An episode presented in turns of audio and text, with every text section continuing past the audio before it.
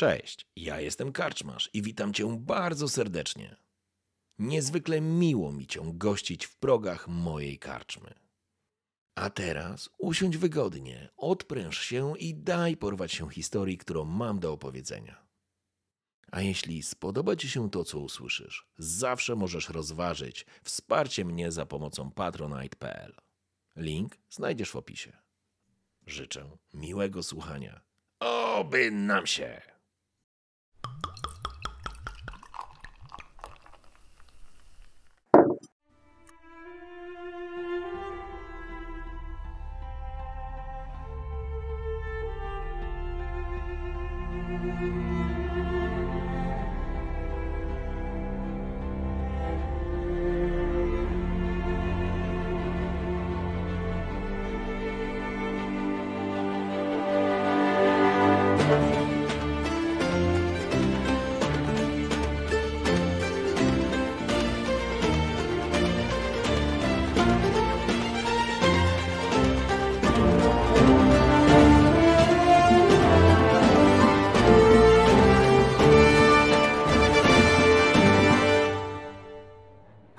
Przypomnisz, co było na ostatniej sesji? Czy nie pamiętasz? Pamiętam, była nierówna walka ze zwierzoludziem, który zrobił mi krzywdę i teraz psychopata Patryk nas wyciągnął z tego e, karawanseraj i wyjeżdżamy. W międzyczasie e, odbyłeś kilka rozmów. byłeś namawiany przez księżną Frigillę do ucieczki. E, Stwierdziłeś jednak, że to jest zły pomysł. Zostałeś również na tym przyłapany przez e, Gebojera. No i e, prawie nie straciłeś życia, nie tylko ze względu na, e, na zwierzoludzi, na potwory, które was zaatakowały, ale również ze względu na Patryka, który wymusił od ciebie jakieś, jakieś odpowiedzi. Był przynajmniej bardzo niemiły. Obiecałeś sobie, że przypomnę, obiecałeś, że e, bunt e, będzie rozwiązaniem waszych problemów, e, że zabijecie Patryka w lesie i wrócicie wszyscy bezpiecznie do domu. Znaczy, tak, tak, no, Patryk zginie, to jest pewne. Nie ma jak, pewnie jakiś składnik jest potrzebny, nie? Głowa lorda, palec lorda, coś takiego. To się na pewno nam przyda.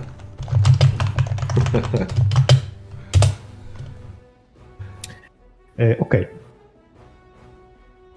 Pozwolisz, że trochę przeskoczymy. Okej. Z karawana Seraj wyjechaliście w topniejący śnieg. Jak pamiętasz, zostawiliście za sobą ruiny no, tego pradawnego budynku, który służył wędrowcom przez prawdopodobnie setki lat.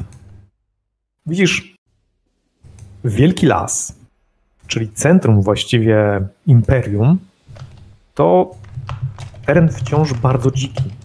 Imperium założone przez Sigmara, jak się mawia, chociaż nie jest to do końca prawda, bo trzeba byłoby wspomnieć o teutogenach.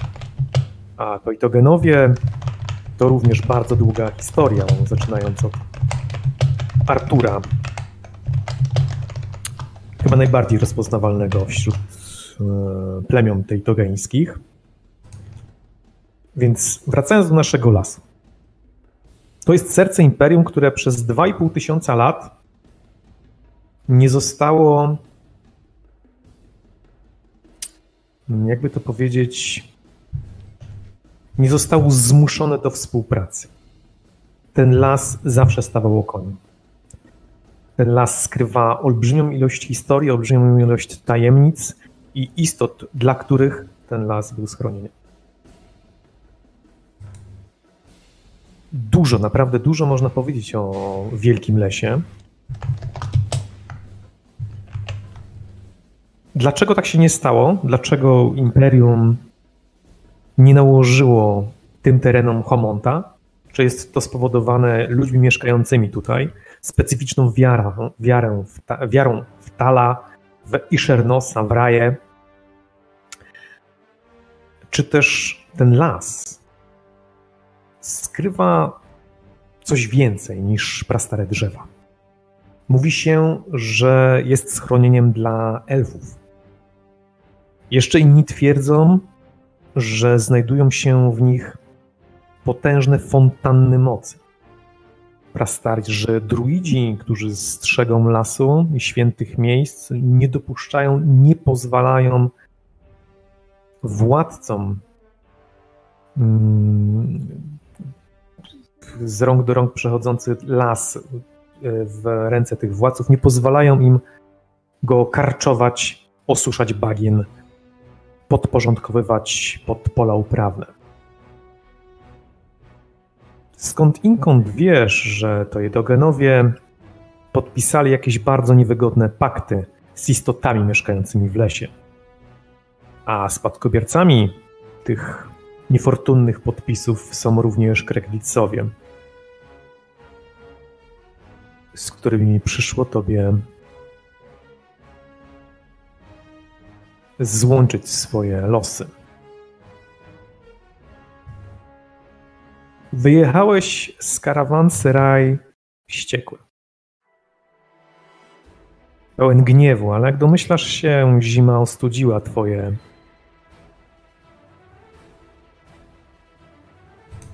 twoje antypatie, które pojawiły się w kierunku twojego pana, twojego lorda. I w milczeniu ruszyliście przez, przez niknącą zamieć. Nadal oczywiście sypie śnieg. Wciąż jest noc, gdy wyjeżdżacie.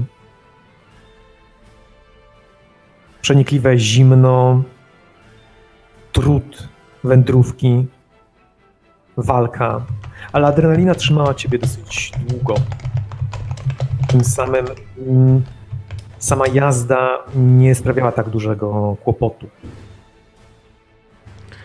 Świadomość twoja, odzyskana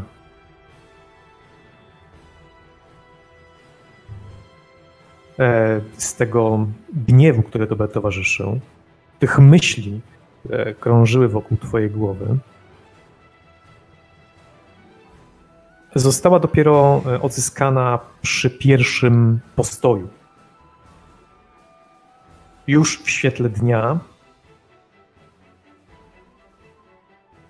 już w świetle dnia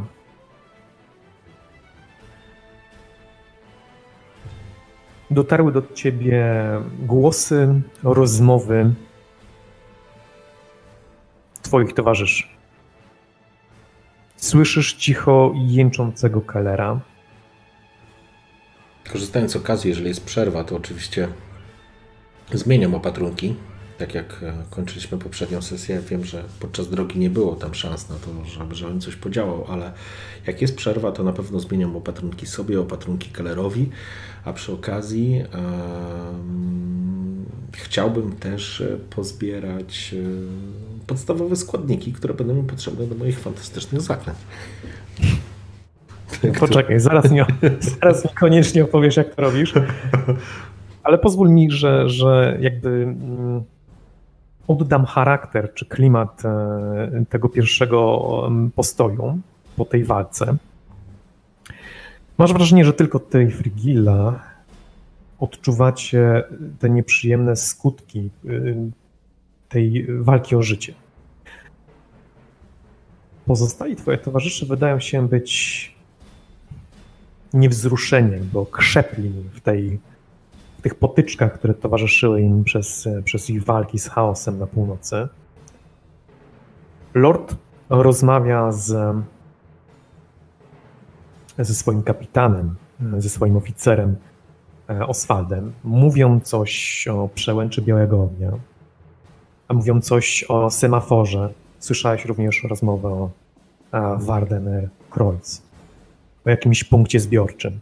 Zastanawiają się nad dalszymi planami, dalszymi ruchami. Najwyraźniej zmuszeni ucieczką w stronę karawan Seraj odbiliście trochę z wasz, kierunku waszej jazdy.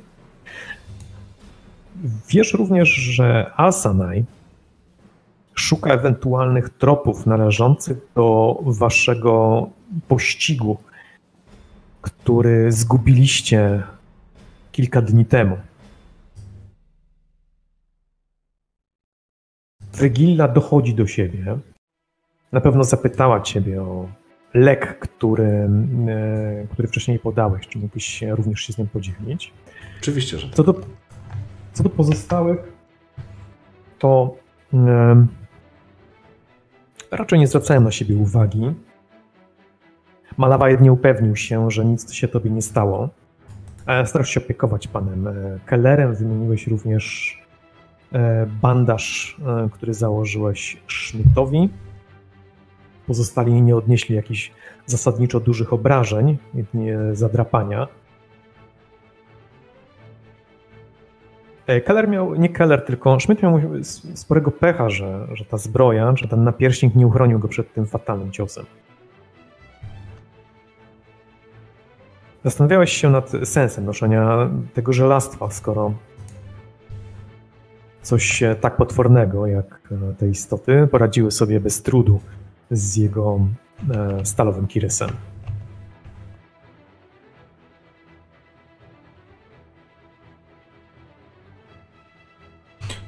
Wiesz co, no on miał, Schmidt miał bardzo duże problemy, żeby, żeby przyznać, że coś jest z nim nie tak, więc tym razem już z nim też nie dyskutuję, ale myślę też, że nie będzie stawiał oporu, po prostu zmieniam te opatrunki. No i doglądam tych rannych. No, jeżeli jest y, szansa na to, żeby nie wiem, żeby, żeby po prostu coś jeszcze zrobić podczas tego postoju poza opieką tymi ludźmi, to robię, a jeżeli nie, no to, no to pewnie będziemy jechać dalej. Marcin, posłuchaj, wyobraź sobie, że ledwo co wyszedłeś z walki.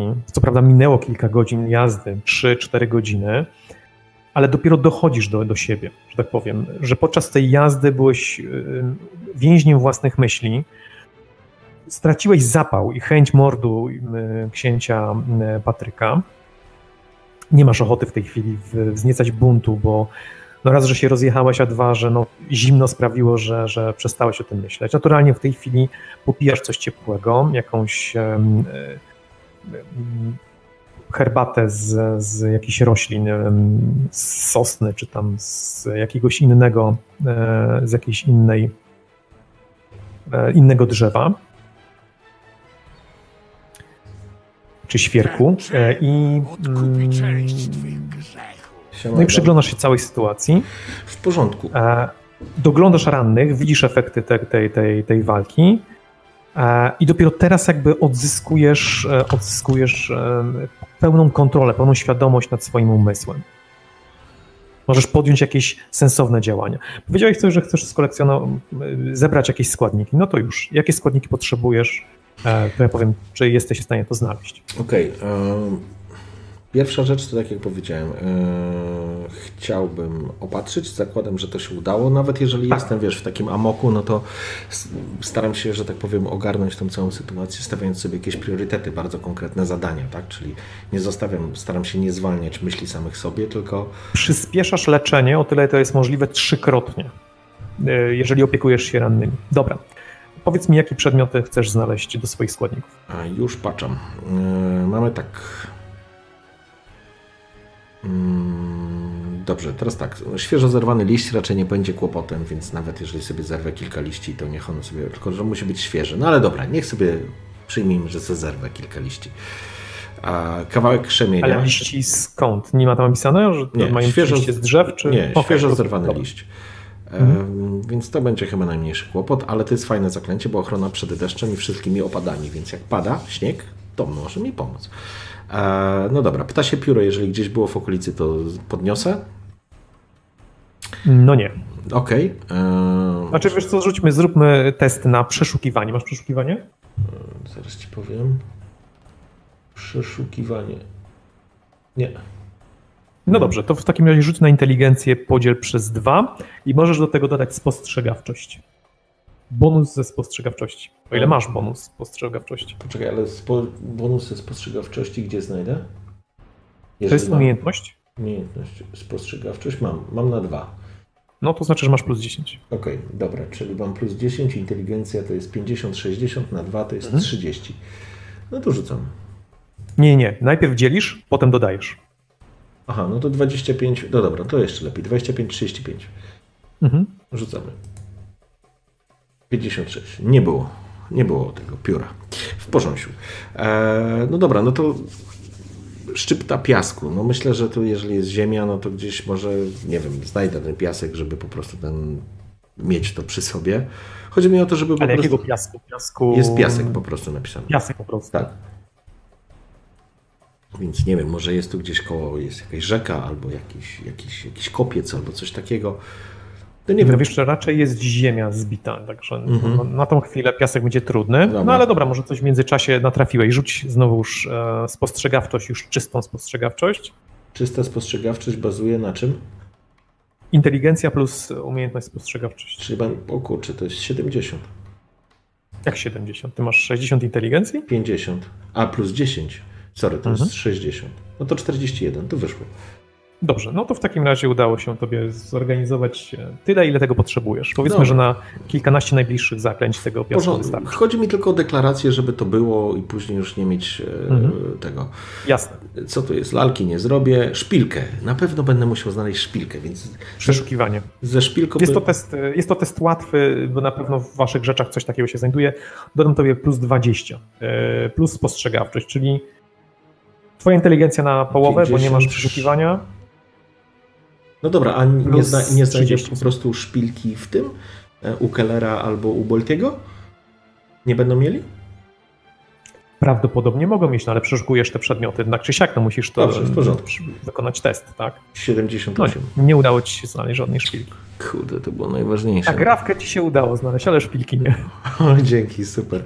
Nie, tutaj już są dziwne rzeczy, szczypty popiołu. Z... Masz jeden punkt szczęścia, pamiętaj. No nie, nie będę rzucał. W takim razie to, co mi się udało, to rozumiem, że mam liść i mam trochę piasku. Super. Nie jest tego za dużo. no nie jest tego za dużo, ale najwyżej pójdę później do plecaka Kellera i sprawdzę, czy nie ma szpilek e, przy tych, przy tych swoim plecaku medycznym. No dobrze. W takim razie trochę okrzepłość po drodze.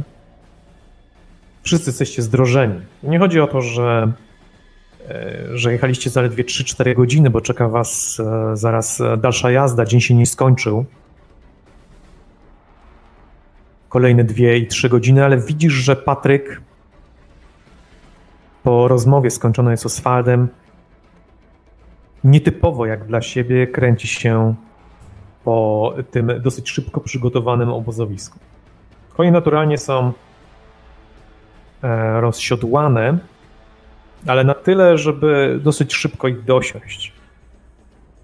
Wszystko jest tak prowizorycznie założone, już podróżujesz e, z tą grupą jakiś czas, więc potrafisz rozpoznać, że na pewno ruszycie w drogę.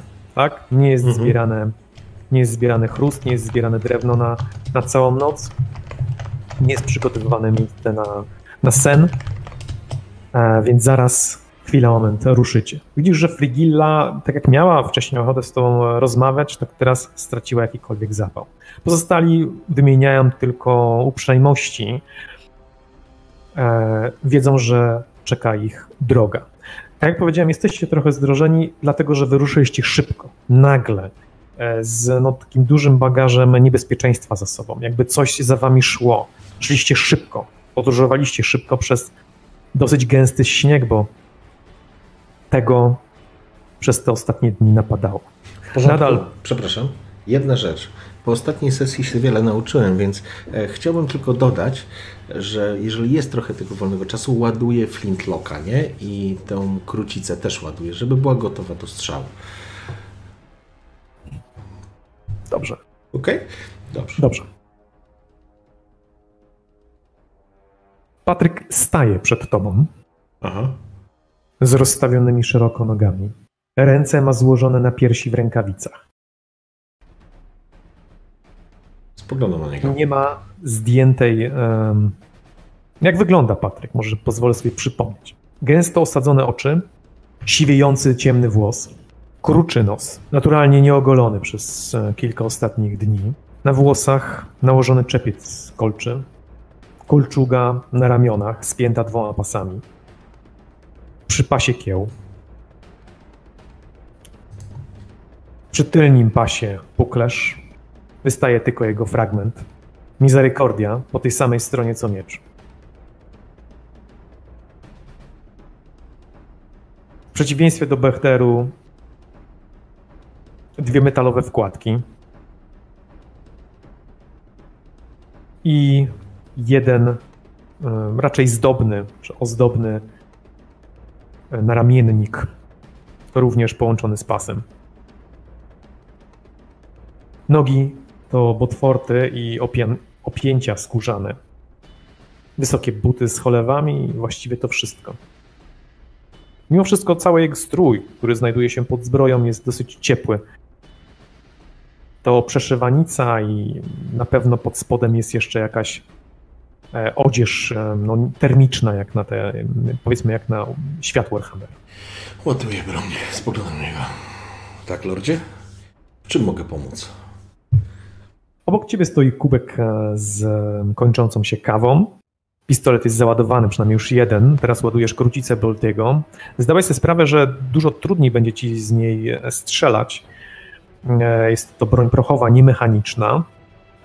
Bolti nauczył cię strzelać tylko z broni mechanicznej, ale i, tak, ale i tak z przyłożenia broń będzie równie skuteczna co poprzednia. Podczas walki odezwał się Lord. Prawie nie straciłeś życia.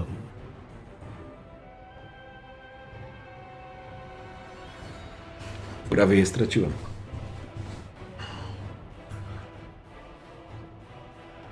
Ale najwyraźniej Werena nade mną czuwa.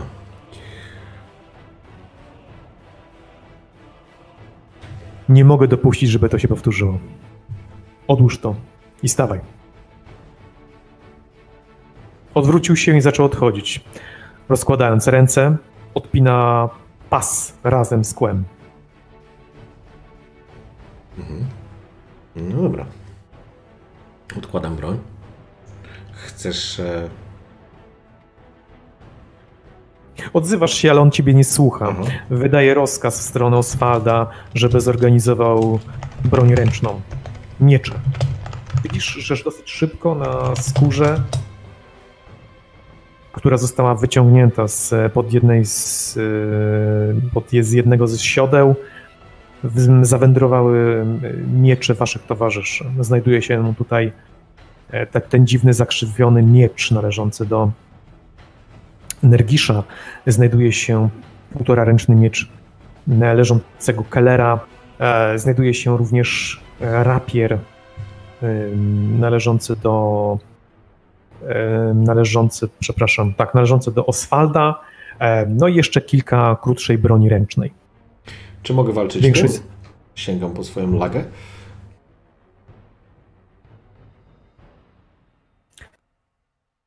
spogląda na, na twoją lagę. Tym nie wyrządzisz zbyt wiele szkody.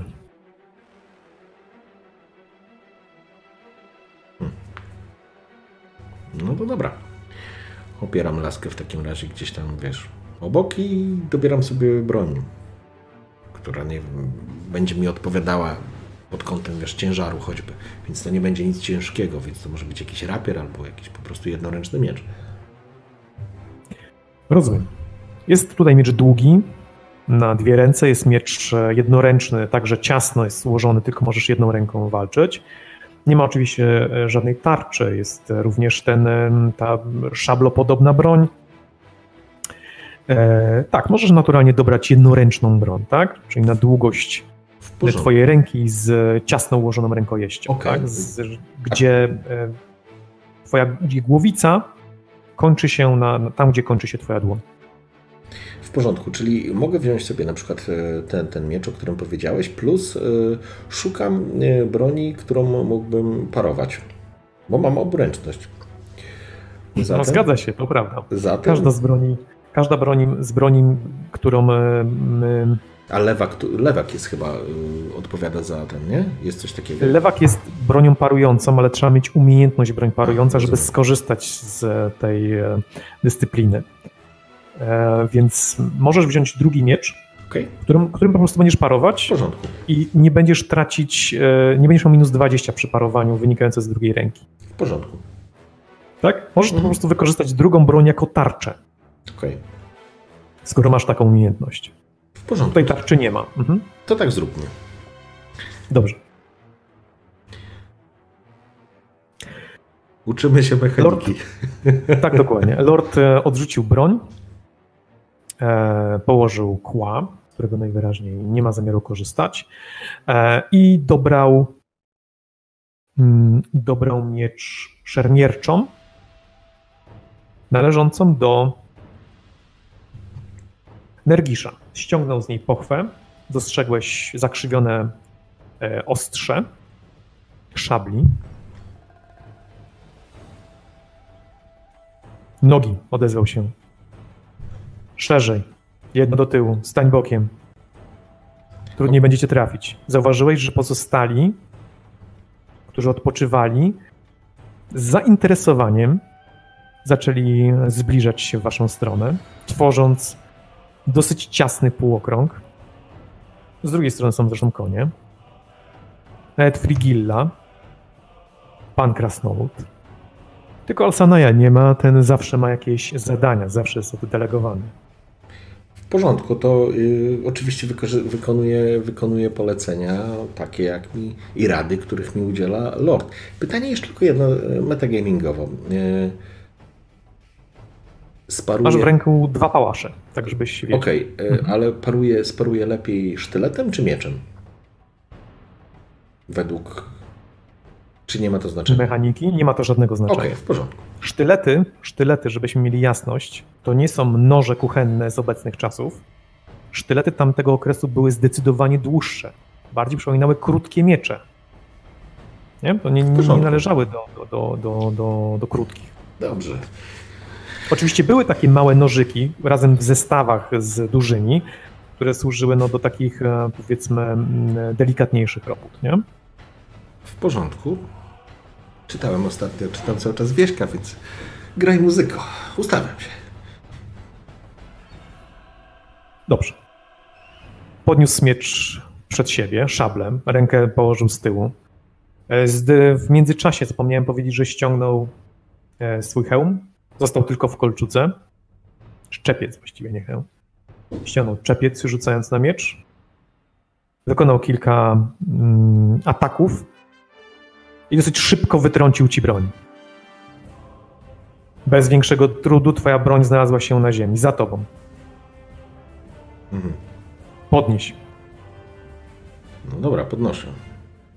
Cofnąłeś się do tyłu i zauważyłeś ostrze przy swojej twarzy. Przodem do mnie. Okej. Patrzę na niego. Staram się Uniosłeś miecz z lewej ręki, tak, robiąc dystans. asekurując Widzisz, że on za tobą, za tobą idzie. Nie uderza w, w twój miecz, ale pokazuje ci dystans. Nagle zrozumiałeś, że odwracanie się do przeciwnika tyłem to zły pomysł. Jednak możesz spróbować się wycofać bezpiecznie, tak jak robisz to teraz. O ile nadal znajdujesz, się- masz w rękach broń. Nachyliłeś się i uniosłeś broń ponownie. Wyciągnąłeś ją ze śniegu i pałasz znalazł się w twojej prawej ręce. Nie celuj w miecz, tylko we mnie. Atakuj. No dobra. Wykonujesz atak z nad głowy. On przechodzi unikając bez żadnego trudu w tanecznym kroku. Płatki śniegu uniosły się i zawirowały.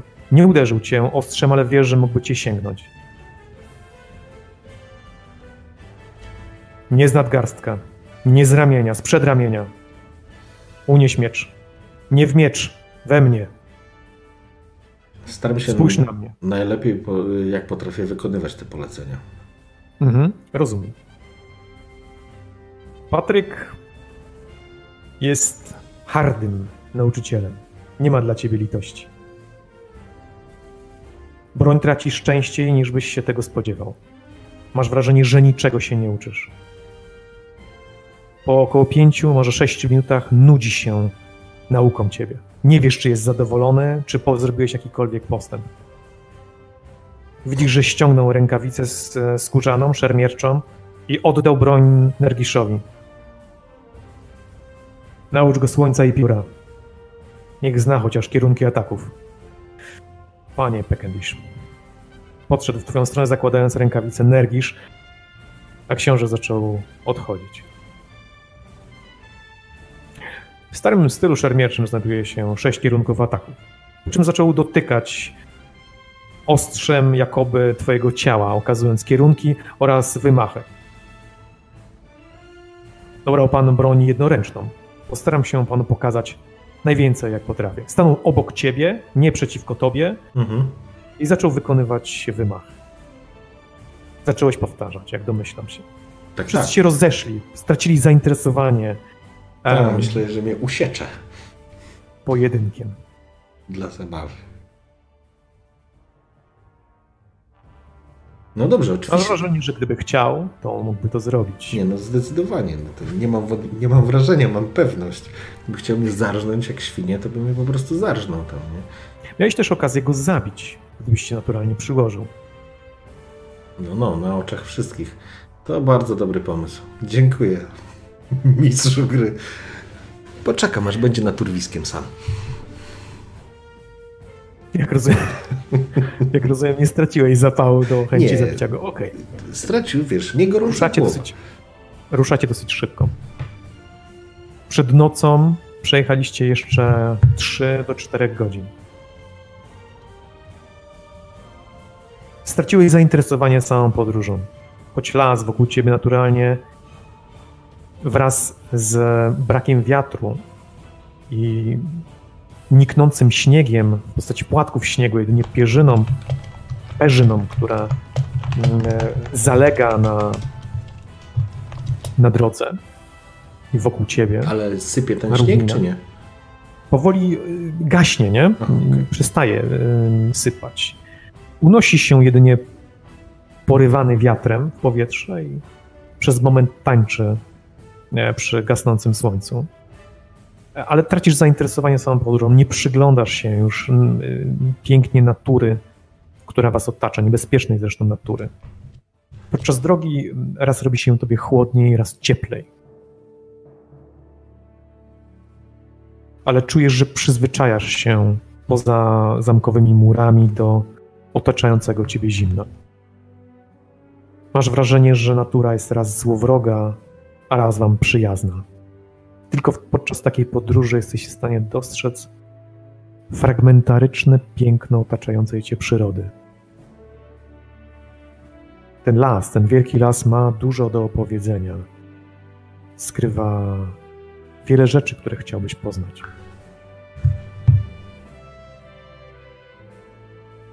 Postój jest tak jak poprzednie. Skuta ziemia oczyszczana jest ze śniegu. Drewno szybko jest zbierane i to na opał, i to pod wasze sienniki. Parawan z śniegowy, ze śniegu, objuczone zwierzęta, Sam opiekujesz się swoim kacapem. Alsanaj pokazał ci jak. Z Alsanajem rzadko się widujesz, najczęściej jest z przodu, a jeżeli nie jest na patrolu, jeżeli nie przepatruje, to raczej stroni od pana Krasnoluda i od kompanii. Tradycyjnie, no jeżeli mamy postój, to zajmuje się tymi doglądem Keller. Kellera. E, Dobrze, chciałbym, żebyś wykonał test inteligencji na Kellera. E, 14. No słuchaj, no Keller e, nie zdrowieje w oczach, no rana jest e, poważna.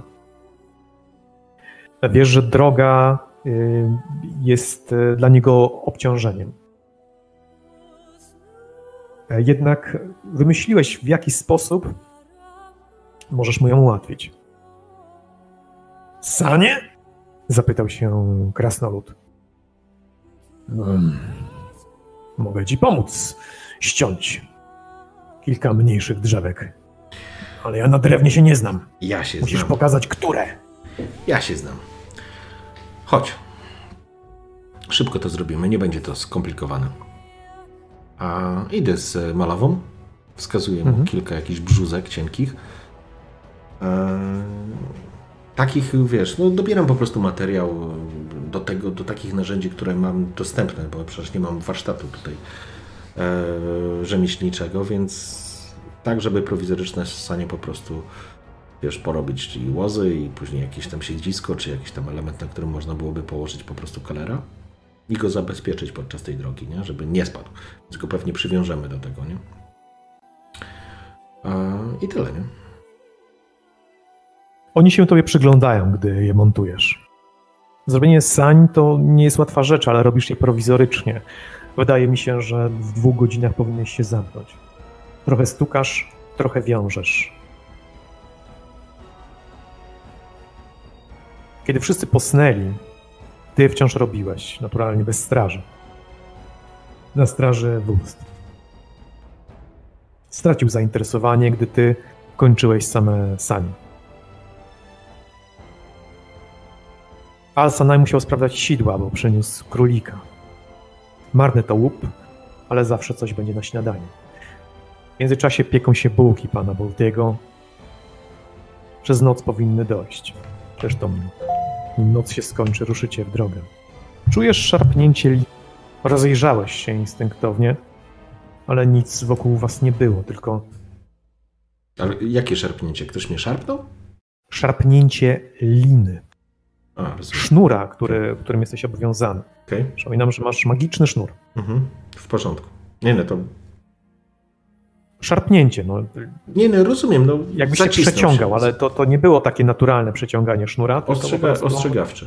Tak, tak jak, do tej, tak. jak do tej pory ostrzegał. Natychmiast się, wiesz, że tak powiem... Tak.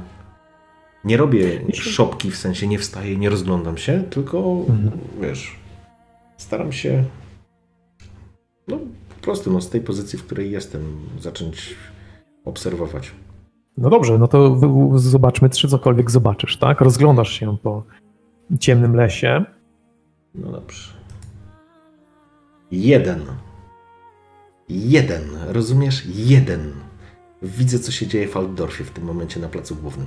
Poza tym, że Giselbrecht poruszył się i powoli zaczął się budzić, chociaż nie wiesz, czy ma to związek z tym, co zobaczyłeś, dostrzegłeś, że właśnie księżyc, księżyc Manana, nie Mora, pojawił się na nieboskłonie, wysuwając się z dość szybko płynących po niebie chmur, z pomiędzy szybko płynących chmur. W ciemnościach lasu, na jednym ze wzniesień, które was otaczają, dostrzegłeś skupione na obozowisku oczy. Czyje? Jest zbyt ciemno, żeby dostrzec. Nie wiesz, jakim cudem udało dostrzec się tobie owe oczy. Jedna rzecz. Tak? A w takim razie mam zaklęcie. Nazywa się. Ale jesteś pewien, ponieważ rzuciłeś no. 01? Jesteś pewien, choć odległość jest zbyt duża, żeby to stwierdzić. Nie wiesz na jakiej podstawie nawet to stwierdzasz. Aha. Może obaw własnych i strachów, ale w to wierzysz, że oczy są skupione na tobie. Okej. Okay. Ale nie jestem w stanie dostrzec, co to jest, więc e, w porządku. Mając... To jest refleks. Mhm. Rozumiem. Mam tą świadomość. Mm. Mam możliwość rzucenia zaklęcia, które spowoduje, że będę mm, widział w ciemnościach. Naprawdę? Tak, nazywa się Jasne Wejrzenie. Oczy czarnoksiężnika rozbłyskują zielonkawym blaskiem, pozwalają mu widzieć w nocy. Jeśli posiada już zdolność widzenia w ciemnościach, zasięg wzroku zwiększa się dwukrotnie. Mm, wymagany poziom mocy 6. No dobrze, skoro chcesz rzucić zaklęcie. To będzie pierwsze zaklęcie, które rzucę. O ile mi się uda. Rozumiem. E, iloma, znaczy teraz będziemy używać pierwszy raz zaklęcia. E, będziesz wykonywał zaklęcie z e, jakimś składnikiem, czy nie? Nie, nie mam oka skazańca, wisząc, który wisiał przez trzy dni. Masz jakieś splatania, tym podobne, które mogą ci pomóc? Okej, okay, nie masz. W takim razie określ poziom mocy, który potrzebujesz swoje. Ile Sześć. kości używasz? Sześć Ile kości muszę, używasz? muszę mieć 6, więc a mam dwa punkty magii, więc y, rzucam dwoma kośćmi. Tak? Chcesz dwoma kośćmi rzucić? Okej. Tak.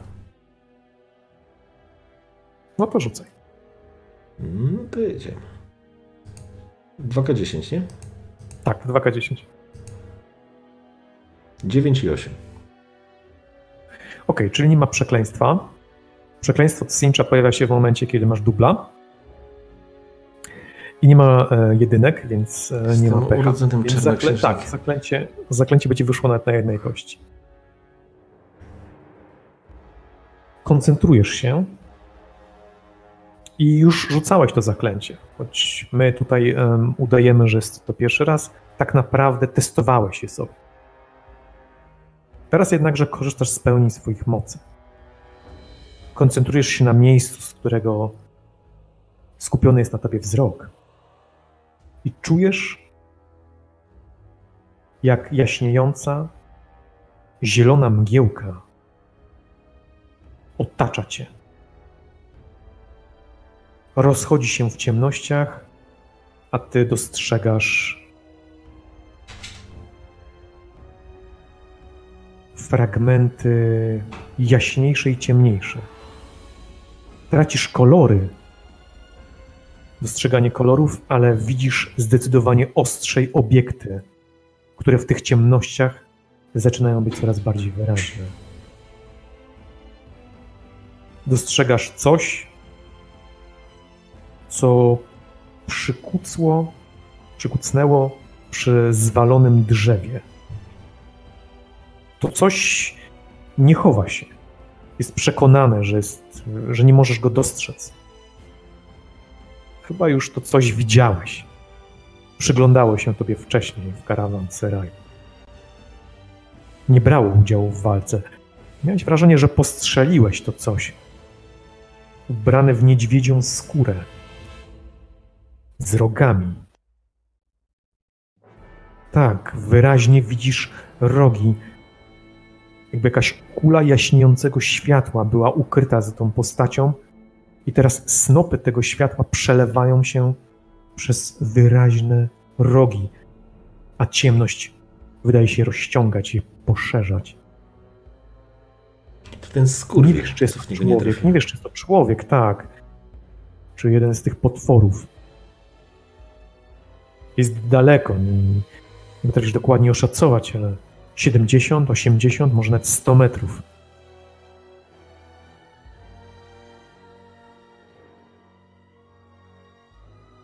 Rozglądasz się dookoła i jest tylko on.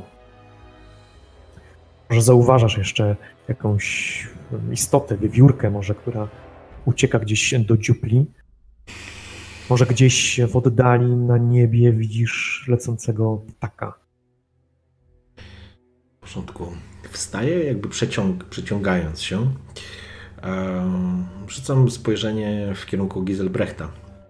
Czy on się obudził, czy to była tylko taka, taki moment jego, wiesz... Przebudził się i tak, i poszedł spać. Aha, śpi dalej. Mhm. Hmm. Przecież nie pójdę tam do niego sam, samo jeden. Chyba, że wezmę flintlocka. Spoglądam tam, wiesz, tak jak staję do niego jakby frontem, ale wiesz, nie to, że przyglądam się, że go widzę, tylko tak jakbym, wiesz, patrzył się gdzieś tam w dal. Czy jakoś reaguje? Czy on widzi was jak na dłoni, nie? Z uwagi na ogień. Na położenie, w którym jesteście. Trudno dostrzec to miejsce z oddali, no ale on dokładnie wiedział, gdzie będziecie. Rozumiem, w porządku. Dobrze, to przechadzam się, e, podchodzę do mm, kiełbasa. Jest na tym, nie? Na Jest. posterunku. No i idę do niego, do ogniska. Panie ekspert, jeszcze pan nie śpi? Nie, nie, przysiadam się do niego. Nie rób teraz zamieszania.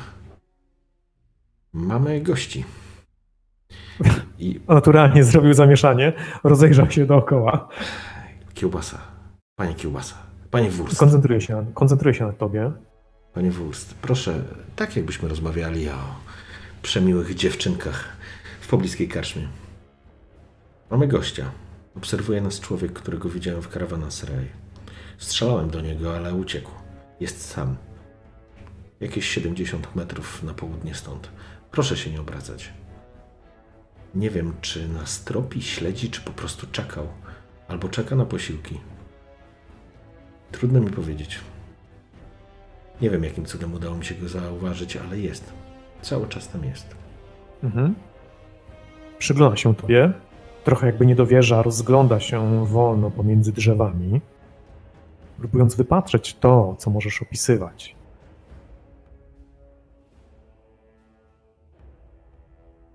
Trzeba zbudzić niemowę.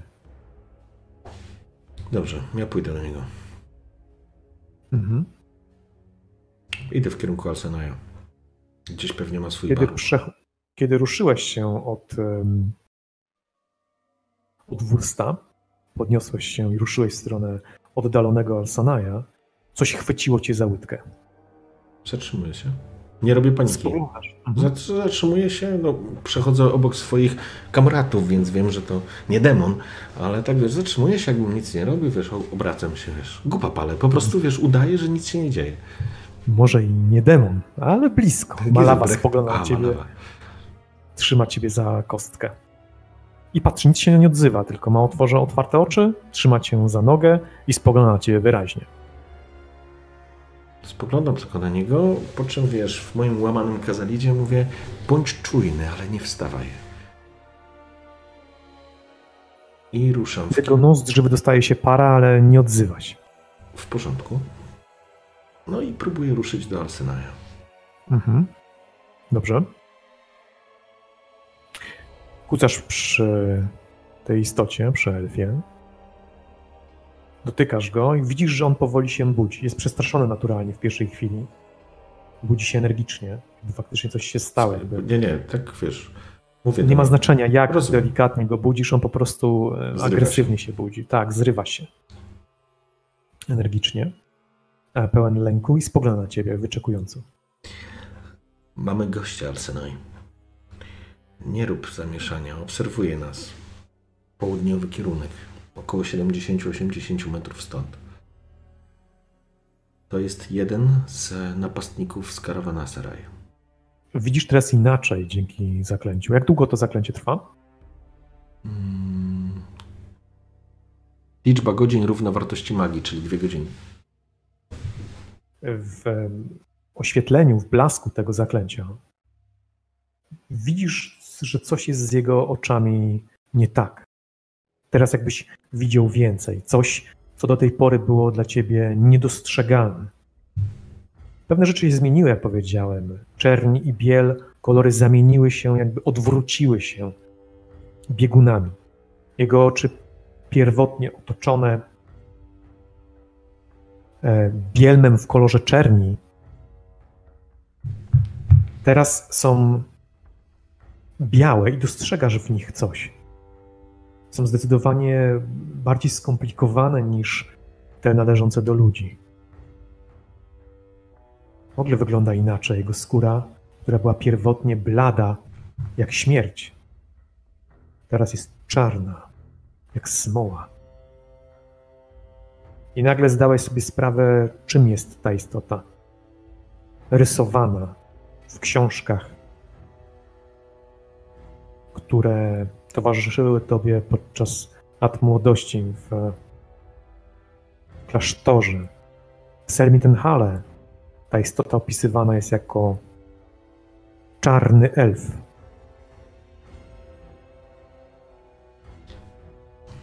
Druchi.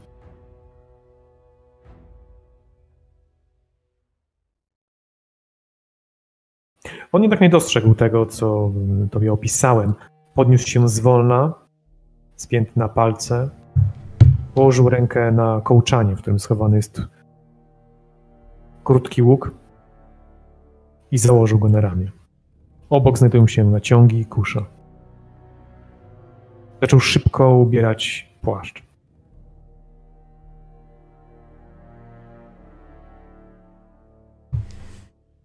Coś pokazuje tobie. Dopiero teraz oprzytomniałeś, przyglądając się jemu. Co Patrzysz na jego palce z powrotem Mhm. e, rąk. Pyta, czy ma go załatwić. Przydałby się nam żywy. Ale jeśli nie będziesz potrafił tego zrobić, to go zabij.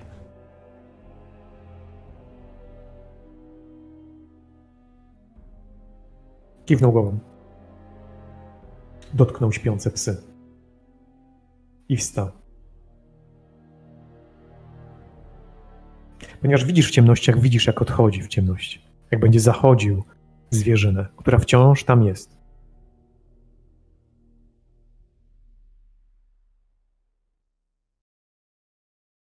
No dobrze.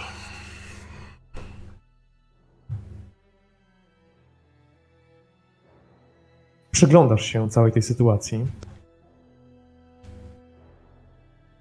Twój wcześniejszy kompan, pan Kiełbasa, zbliżył się do ciebie. I jak? Zapytał się. Rozpoczęliśmy łowy, panie Wurst. Zobaczymy, czy elf da radę. Ale tylko on jest w stanie niepostrzeżenie się do niego zbliżyć. Nagle usłyszałeś gwizdek. I na planie tego światła, na którym stała ta istota, pojawiło się pięć kolejnych, stojących wyprostowanych, z Ale bronią. Widzisz na pewno włócznie albo glewie. pobudka. Widzisz również stojącego y, Alsanaja, który się zatrzymał jakieś 50 kroków od was, pomiędzy tymi istotami a wami, podchodząc Brawo. pod wzgórze. Malawa. Malawa, Wurst. Pobudka, alarm. Natychmiast. Do broni. 10 sekund później wszyscy stali na nogach. Niekompletnie ubrani, ale z bronią w ręku. Wskazuje kierunek. Tam, przynajmniej sześciu. Zwierzę ludzi plus ten jeden, który uciekł z Karawanasaraj.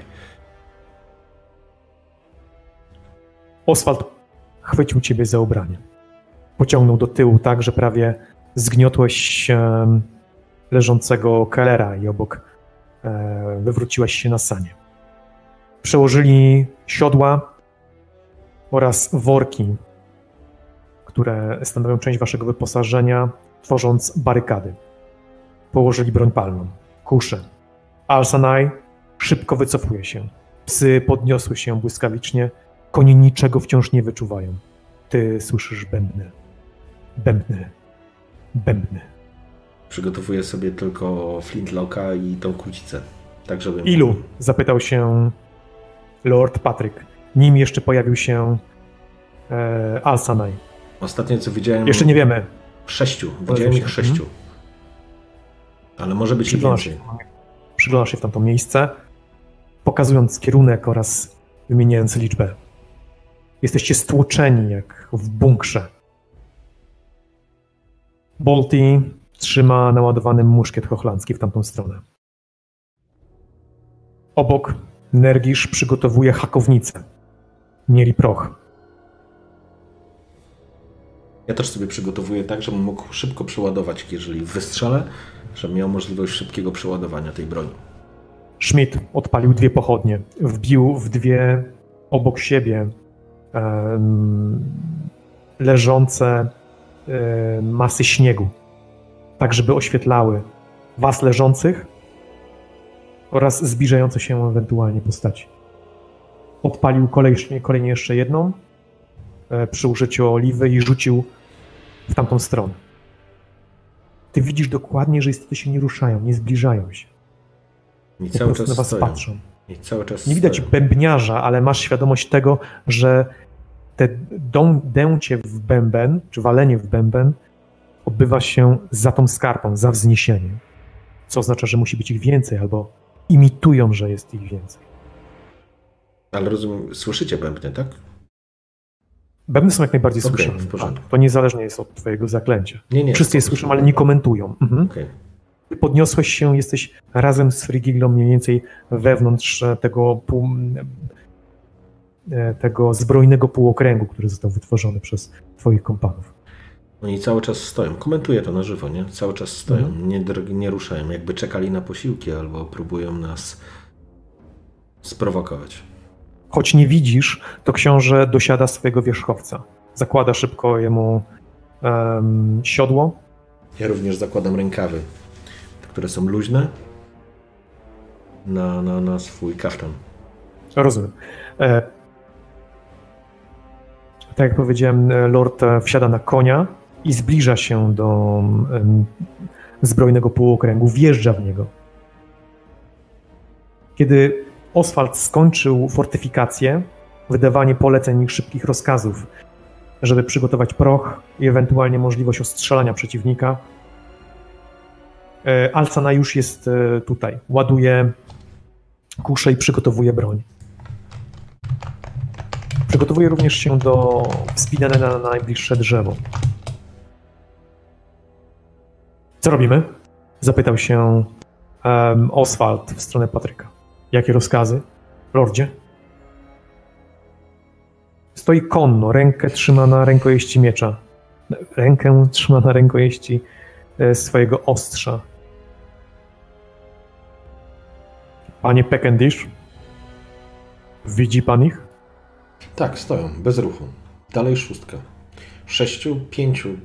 Czy po sylwetkach widzę, że są to zwierzę ludzie, czy po prostu, czy nie?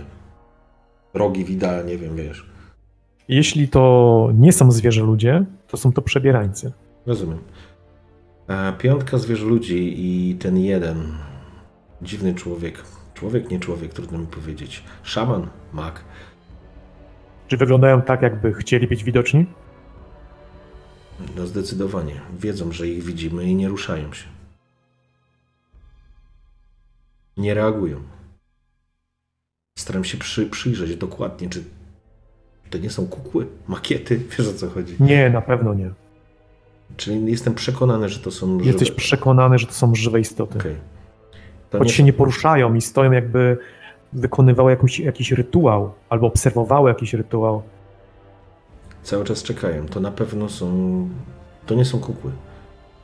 Nagle bębny przestały w jednej chwili wydawać dźwięk.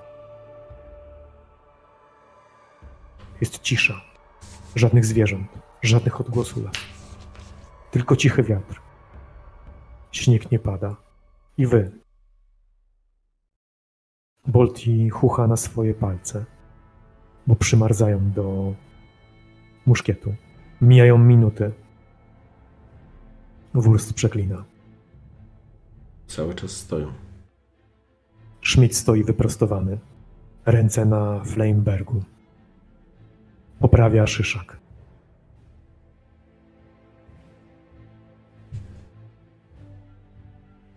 Chcą nas zmęczyć.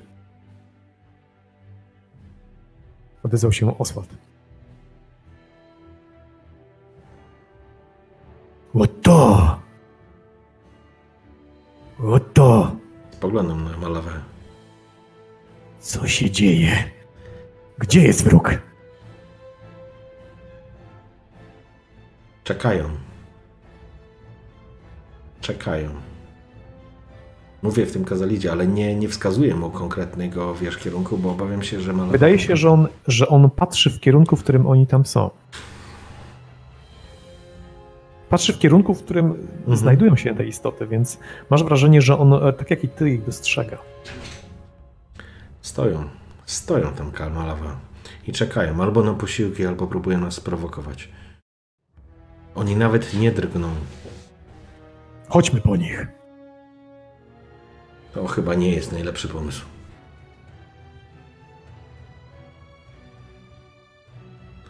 Zresztą patrzę na Patryka, to on tu dowodzi. Patryk wydaje się być niewzruszony tą sytuacją. Przygląda się w miejsce, w którym te istoty najprawdopodobniej się znajdują dla niego, ale nie podejmuje żadnych działań. Koń, który znajduje się pomiędzy wami, przestępuje z nogi na nogę.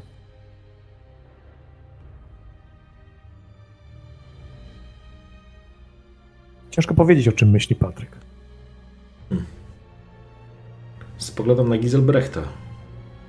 Panie Giselbrecht, może pan ich stamtąd wykurzyć? Mogę. Ale dopóki Lord sobie tego nie życzy, nie zrobię tego. Mówi w języku klasycznym. Rozumiem. Dobrze zatem. Czekamy, mówię do Malawy. Trzymamy szyk. Kilka minut później, całkowicie przypadkowo, jeden z muszkietów, jeden z pistoletów dzierżonych przez waszych kompanów wystrzeliwuje sam. Naturalnie w stronę, w którą był skierowany, więc w stronę tych istot. Pojedynczy strzał. Poczułeś, że drgnąłeś, tak jak pewnie część osób. Ciszę po prostu zostało, cisza została przeszyta gromem. I nagle te istoty zaczęły odchodzić. Na początku te pięć, które pojawiły się, a potem ta istota w tej skórze. Wycofują się. Wycofują się. To pułapka? Spoglądam na Patryka. Próbują nas wciągnąć w pułapkę? Czy to blef? Jeżeli nic nie zrobimy, mogą wrócić. Jutro. Idą naszym tropem. Chcą nas zmęczyć. Odezwał się Patryk. Podwójne straże, reszta odpoczywa. Zsiadł z wierzchowca. W porządku. Przekazuję to Malawie. Jak domyślasz się, nikt tej nocy nie zaśnie. Czeka was noc pełna zmęczenia. Naturalnie ci, którzy wartują, byliby i tak, i tak zmęczeni, ale ci, którzy powinni odpoczywać, budzą się co chwilę. I to nie jest zimno. No, może poza malawą. Tak, on się wysypia w każdych okolicznościach. Niewrażliwe na chłód i na strach. Nie dostałeś tej nocy warty, a oni pojawili się ponownie. Znów usłyszałeś bębny, pojawili się z innej strony. Znów podnieśli was wszystkich na nogi. I tak jak pierwotnie, tak i tym razem zniknęli w lesie. Bardzo wczesnym rankiem ruszyliście dalej, wiedząc, że te istoty idą waszym tropem.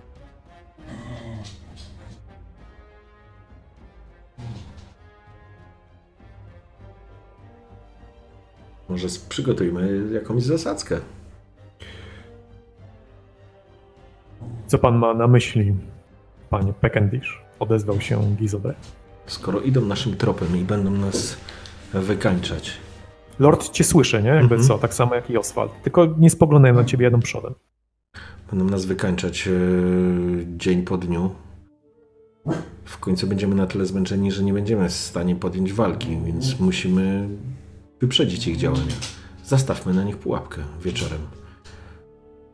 Gdzieś spróbujmy stworzyć, to znaczy przygotujemy zasadzkę, a, a wokół ogniska spróbujemy stworzyć no, łudę, że niby tam jesteśmy.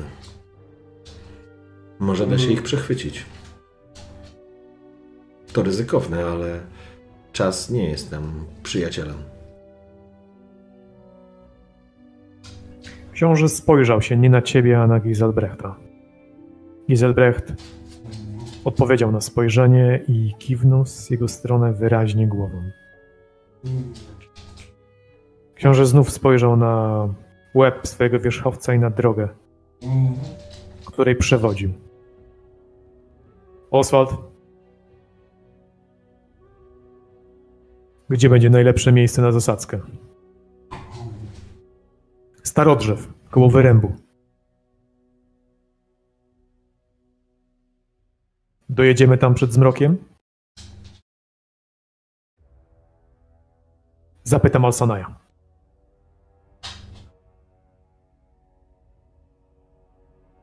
Widzę, że chce pan się bić, panie Peckendish. Spojrzał na ciebie, Giselbrecht. Kiedy ty zdałeś sobie sprawę, że to twoja decyzja spowodowała, że dzisiejszego wieczoru poleje się krew.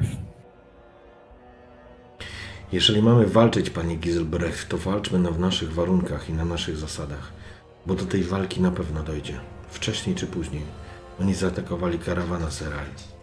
Teraz jesteśmy w lesie, na terenach, które oni znają doskonale. W każdej sytuacji będziemy gorsze, na gorszej pozycji, jeżeli to nie my będziemy autorami zasadzki. Przypomina mi się takie jedno dzieło historyczne, które miałem okazję lata temu przeczytać. Nie jestem strategiem, ale uczmy się na historii naszych przodków. Jak pan myśli, panie Pekendish? Czego oni chcą? Patrzę na ciebie, ale nie wydaje się być specjalnie zaciekawiony twoją odpowiedzią. Nie mam pojęcia.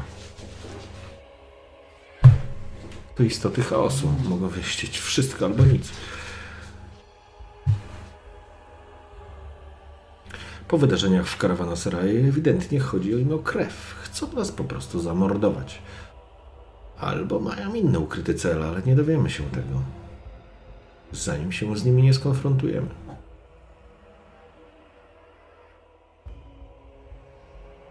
Rozumiem. Jak się czuje chory? Jest coraz lepiej, ale nie jest jeszcze w stanie walczyć. Jest przykuty do sani. Rano miał gorączkę. Został ostro pokiereszowany. Sukcesem w tej sytuacji jest to, że żyje. Psy wyczuwają jakieś napięcie. Niekoniecznie idące za wami czy kroczące za wami niebezpieczeństwo, ale Bianka i Chwat są niespokojne.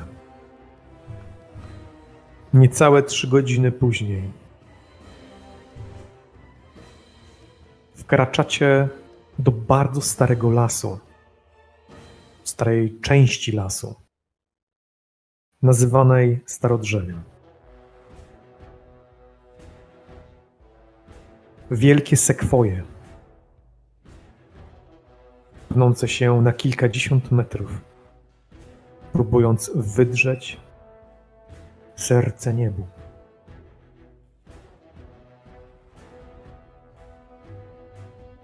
I te zwalone pośród śniegów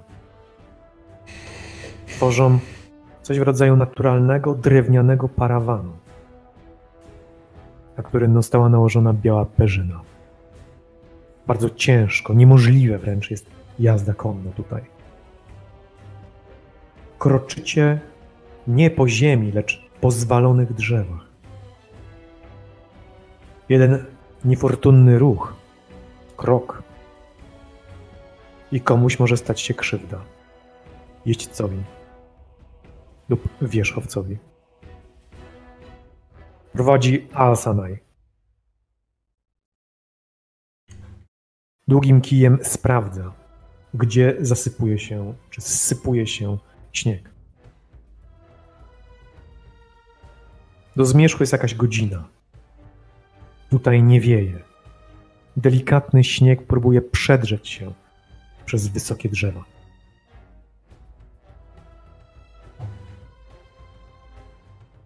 Na tych drzewach dostrzegasz jakieś znaki.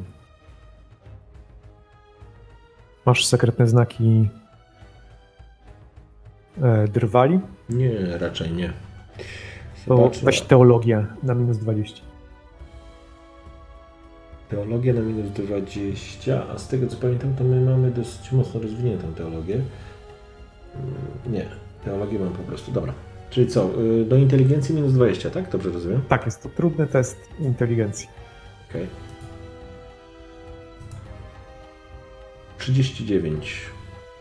Mm, No to dupa, bo mam 50. Mhm. O jeden, jeden sukces tu nie wyszedł. Tak. Nie, bo minus Wiesz, 20. Poczekaj, bo dałeś mi minus 20 jeszcze, tak? Yy, tak, to. Do, dobra, sorry. Tak, dokładnie o jeden sukces. Słuchaj. Wiesz, że powinieneś wiedzieć dużo więcej. Ale wiesz, czym było niegdyś to miejsce. To był święty Gaj. Nikt już nie opiekuje się nim, ale drzewa miały jakieś znaczenie, jakiś charakter.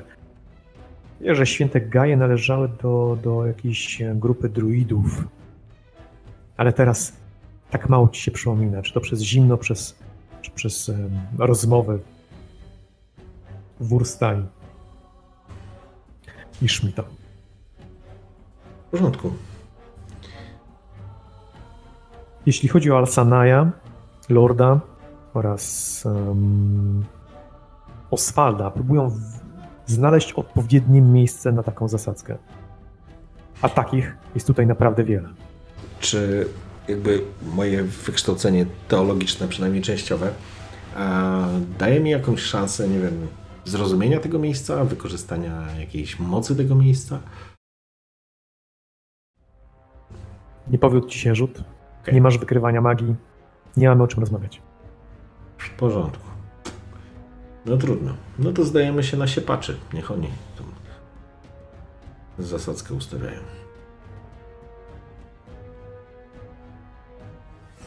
Wiesz, że zmierzacie do czegoś, co nazywa się Ekstersteine. Do ściany z dziurami skalnego miasta. Nie wiesz, czemu miał tutaj służyć, ale twoja wyobraźnia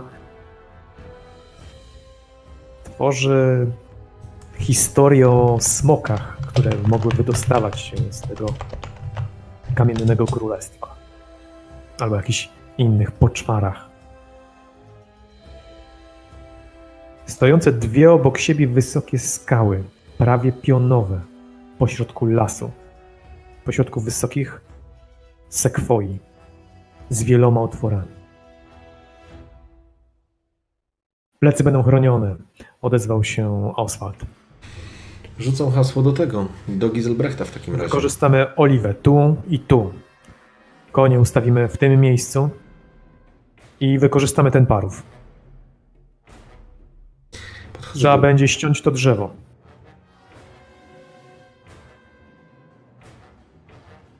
W porządku, ja podchodzę do Giselbrechta. Mhm, rozumiem. Przestajesz wsłuchiwać się w liczne polecenia wydawane przez Oswalda, ale jak domyślasz się, wszyscy wykonują je bez, poza Frigillą oczywiście, która nie bierze w nich udziału, bez jakiejkolwiek opieszałości.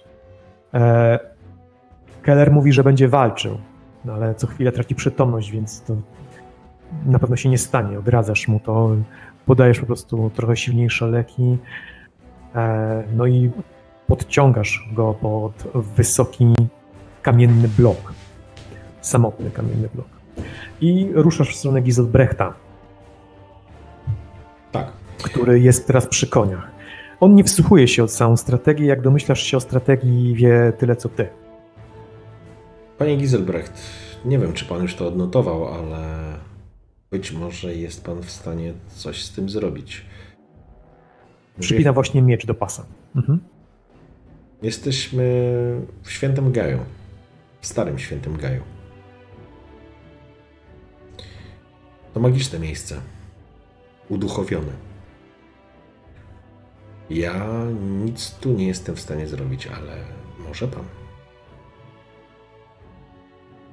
Rozejrzał się dookoła. Słuszna uwaga.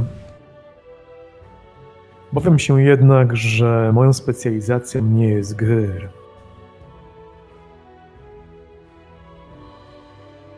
Lecz wiatr szysz.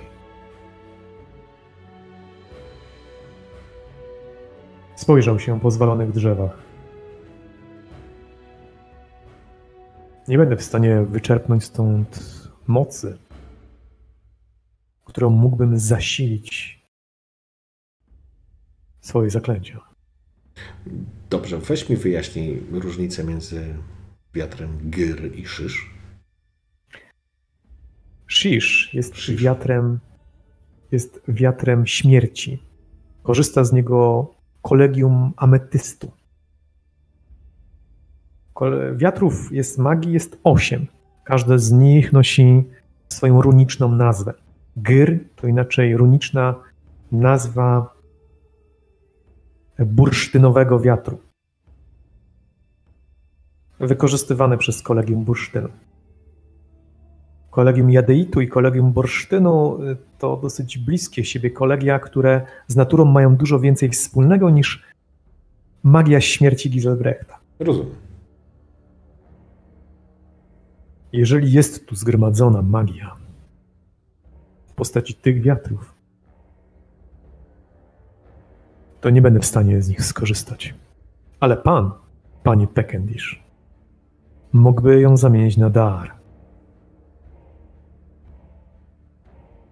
Dobra, co on mi powiedział? Czy ja rozumiem, co on do mnie w ogóle mówi? Tak, użył jednego słowa, które jest tobie już znane. Dhar. To czarny wiatr. Wiatr splugawiony, który powstaje z kolizji innych wiatrów. To coś, co jest zakazane przez kolegium. To coś, za co łowcy z namiętnością palą na stosach. Czarnoksiężnicy mm, znają sposoby, żeby je uzyskać. No dobra, ale ja oczywiście na swoim poziomie fantastycznych umiejętności absolutnie nic z tym zrobić nie mogę, nie? Musisz mieć czarnoksięstwo. Rozumiem, okej. Kiwał głową, jakbym zrozumiał. Celował. Nie, nie, oczywiście, że nie. Eee, zatem czas się przygotować. Obracam się i odchodzę od niego. I że on poprawia e, siodło. Najwyraźniej nie ma zamiaru e, uczestniczyć w tej walce, albo może, możliwe po prostu, że będzie walczył konno, ale czujesz na sobie jego wzrok, gdy odchodzisz. Nie wiesz, ale masz wrażenie, jakby to był, mógł być jakiś test. Peckendish. Psst. Peckendish. Co to za głos? No jak to kto? Frigilla. Jezus. Kiedy wszyscy są przygotowywani, e, Frigilla zlazła z konia, którego również starała się schować w Ekstersteinę i skierowała się e, no, tak, żeby schować się za jednym z wysokich drzew i wołać cię, żebyś się do niej zbliżył. Ale tak, żeby nikt tego nie widział. A więc wykorzystuję cały swój kunszt. Za pół godziny będzie zmrok. No Choć tutaj już jest trochę ciemniej, nie? Okej, no, no, i- no przechadzam się, no, przygotowując się do walki oczywiście i tak jakoś zmierzam, żeby tam pójść. Na pewno słyszę, że już gryf czeka za rogiem, ale dobra. Ale idę.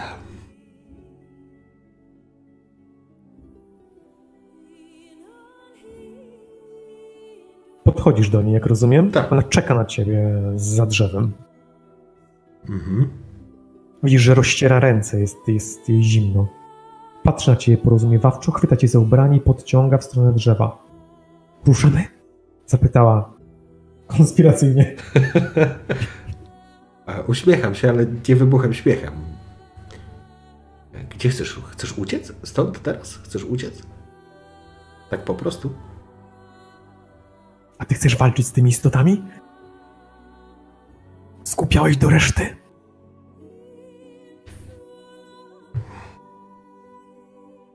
Chcę, żebyś miała pełną świadomość, że jeżeli nie wygramy, to nie ruszą naszym tropem. A tutaj nie uciekniesz, nie nadrobisz drogi konno. Zobacz, gdzie jesteśmy. Ucieczka stąd tu i teraz oznacza wyrok śmierci. Nie tylko dla nas, ale również dla nich. Odwróciła się, nie chciała dalej ciebie słuchać. Po prostu odwróciła się i wyszła za tego drzewa, kierując się do pozostałych. Rozumiem. Robi się coraz ciemniej, z minuty na minutę. Próbujesz dostrzec jakieś oczy w ciemnościach pomiędzy wysokimi drzewami, pośród zwalonymi drzewami. Ale niczego nie dostrzegasz. Tylko cichnący las. Dobrze, to ja się też oczywiście przygotowuję. Broń musi być załadowana, mam na sobie cały pancerz, który mogę tam, rękawy ponakładane. Eee, pytam się jeszcze raz, próbuję znaleźć e, szpilkę. Chodzę po prostu od jednego do drugiego, pytam się, czy ktoś nie ma szpilki. Dobrze, w takim razie mm, wykonaj test przekonywania na plus 30. Przekonywanie z ogładą, nie? To jest 76. Tak. Okej. 42. E, Dobrze, w takim razie e, Bolty znalazł dla ciebie trzy szpilki. Fantastycznie. Przygotowuję sobie te szpilki w, w mankiet po prostu, wiesz, wbijam w rękaw. Mhm. Mhm. Eee, dobrze, to przynajmniej mamy to. Mm, Teraz jak zapada ten zmrok, bo on cały czas zapada i on w końcu zapadnie, e, będę chciał na pewno rzucić zaklęcie jasne wejrzenie. Fajne te zaklęcia. No dobrze. Mm, w Fajne razie będą, jak już będę kozakiem, bo teraz... Powiem ci, jak wygląda sytuacja. No, Konie ukryte są pomiędzy tymi dwoma wysokimi skałami.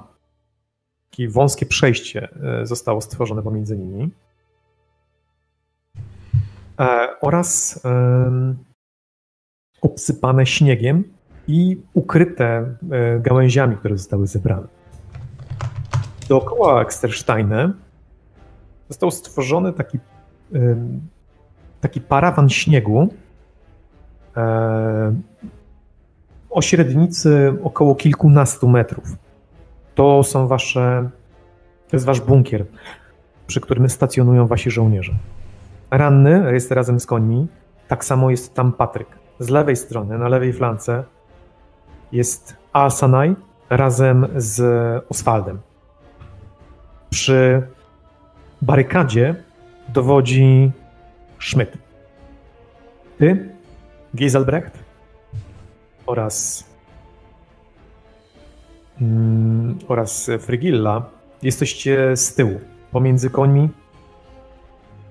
a e, tym parawanem śniegowym, tam gdzie zostały złożone wasze sienniki oraz rzeczy, które liczycie, że nie mogą, nie powinny ulec e, zniszczeniu. Zostaje jeszcze tylko Bolty i pan Krasnolud. Pan Krasnolud nie może znaleźć sobie miejsca, więc łazi od jednej do drugiej grupy, pytanie, pytając po krasnoludzku, kiedy się to w końcu zacznie. Bo nigdy nie dotrzemy do tego demona. A yy, właściwie można się, malawę tam wysłać i ruszyć spokojnie. Do, dogoni nas. spiął się na to Extersteine e, Bolti, który ustawił również broń prochową e, i zajął taką bezpieczną pozycję strzelecką. Proponował również, żebyś ty zajął taką samą. Ale wspinanie się, e, no, powoduje, że no, truchlejesz. Przypomnę tobie, że masz lęk wysokości. Dobrze. Ale możesz wspiąć się oczywiście. E, w porządku. E, ja już jak arsenał chodzę, nie? Mam te, No tak. mam te bronie, biorę sztylet Jorlanda, teraz wyciągam, to przytaczam Mhm. go do pasa. O, coś Tak. ciekawego. E, biorę lagę, też mam lagę. On jest w pochwie, czy nie? On chyba nie miał pochwy. Miał pochwę. Tak? No to na pewno jest w pochwie. Do pasa go przytaczam po prostu. Mhm, mhm. E, mm, No i co? No i dobrze, no też spróbuję, wiesz, podpytać się albo, wiesz, e, Oswalda, albo... No Oswalda się po prostu zapytam, którą, które miejsce powinienem zająć. Panie Pekendish, nie możemy ryzykować pańskim zdrowiem. Proszę dołączyć do panienki Frigilli. Jeżeli będzie czuł się pan na siłach, widzisz, że jego twarz świadczy o tym, że przypomina sobie twój pojedynek z Lordem, gdzie poznał twoje umiejętności, skutecznie próbuje cię zniechęcić do udziału w e, nadchodzącej walce. Proszę zadbać o siebie i o zdrowie panienki. Ale mówi to serdecznie, bo on jest serdeczny. Jasne. No tak, no pewnie, że nie rzucę się na pierwszą linię. Dobrze, w porządku, będę zabezpieczał tyły. Ale idę z całym arsenałem tam i staram się sobie tak przygotować miejsce, żeby mógł, wiesz, oddać strzał z dwóch broni, a potem jeszcze próbować przeładować. Jarku, Marcin, powiedz mi mniej więcej, gdzie ma się znajdować e, twoja postać. Jak domyślasz się, te zaspy śnieżne są ułożone półokręgiem, Mhm. rozchodzące się promieniście od, tego Ekstersteine. Możesz teoretycznie wspinać się na te wysokie skały, ale będzie to wymagało od ciebie nie tylko testu siły woli, żeby y, wygrać z swoim własnym strachem, ale dodatkowo jeszcze no, test jakiegoś wigoru czy jakiejś sprawności fizycznej, żeby e, wznieść się e, w stronę najwyższych, e, najbliższych otworów. Konie są ustawione pomiędzy tymi skałami, również znajduje się tam Patryk, po lewej stronie przypominam znajduje się Alsanaj razem z konno stojącym, e, siedzącym w siodle e, Oswaldem. E, dzierży, wiesz, że na pewno dzierży koncerz, czyli ten swój taki długi rapier, ubrany w swoją tam zbroję płytową z rogami Minotaura. Na barykadach waszego, waszej pozycji znajdują się wyposażeni w broń prochową, e, czy też broń mechaniczną, żołnierze w postaci Schmidta, Nergisza i Wursta. E, również do dyspozycji została położona hakownica. Nie bierze udziału oczywiście Keller. Bolti znajduje się na, na tych, w tych otworach wybrojnic, otworów strzelniczych należących do tego Ekstersteina. E, ty, Giselbrecht oraz twoja ukochana rudowłosa Frigilla jesteście um, blisko kamiennych ścian tej naturalnej budowy, tego naturalnego cudu przyrody. Pole walki, czyli to, co znajduje się przed barykadą, to są zwalone, gigantyczne sekwoje, pokryte śniegiem, E, które są bardzo niebezpieczne dla, dla podróżujących konno czy pieszo wędrowców. Idealne miejsce, żeby ostrzelać przeciwnika nadchodzącego z tej strony. Aczkolwiek istoty, z którymi przyjdzie wam walczyć, można zaliczyć do istot lasu. Nie wiadomo, jak one poradzą sobie z takim trawersem. Dodatkowo został zużyty olej i ustawione tak barykady, żeby stworzyć no, miejsce, które będzie dla was wygodne do samej walki. Wasze plecy są osłonięte, dopóki Patryk i konie oraz barykada stoją w tym przejściu. Masz nadzieję, że on, jak i kieł, potrafią sobie poradzić z ewentualnymi niebezpieczeństwami, ale oznacza to, że jego dowództwo, jego osoba nie będzie wpływać na morale. Będziecie musieli toczyć walkę samodzielnie. Obok wursta Berdysz oraz jego pałęż, wbity głęboko w śnieg. On dotyka zbrocza samego ostrza Berdysza. Jego był już gotowy. Hakownica naładowana i wycelowana we wroga, który ma niebawem się pojawić. Pojawi się. Czujesz to przez skórę.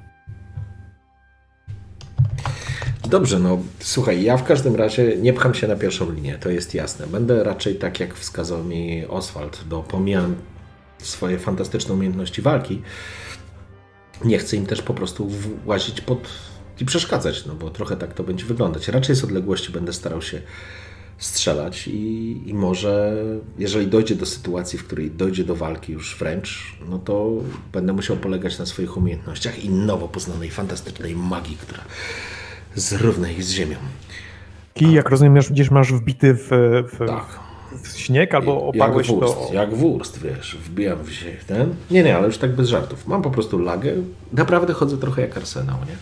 Więc y, mam wszystkie rzeczy, które mogą mi być potrzebne przy sobie. Mam sztylet, lagę okay. obok. Tylko zaznaczę, że no. Frigilla kieruje się w stronę tego ciasnego przejścia pomiędzy skałami, rzuca tobie spojrzenie i mówi głośno, jesteś debilem. Po czym wchodzi pomiędzy te skały. Jedna rzecz, czy to przejście, w które ona wchodzi, to jest droga tam ucieczki? Tam są konie ukryte. Ale tam jest droga e, ucieczki? Tak, się... tak, najprawdopodobniej jest to droga ucieczki. Okej, okay. w porządku. Możliwe, że cały plan, którego nie słuchałeś niestety, ma e, spowodować, żeby wciągnąć przeciwnika w to ciasne przejście. Ciężko rzec. Tam znajdują się konie, z drugiej strony została zbudowana drewniana, zresztą twoje sanie zostały również do tego użyte, żeby zagrodzić ewentualny atak z drugiej strony. No i tego wejścia pilnuje twój psychopatyczny lord. Książę na zamku Szlos. Coś chcesz zrobić? Rzucić zaklęcie? Aha, chciałeś rzucić zaklęcie. No dobrze, no to... zaklęcie. Jak rozumiem, żadnych pułapek nie umiem zrobić pomimo mojego rzemiosła.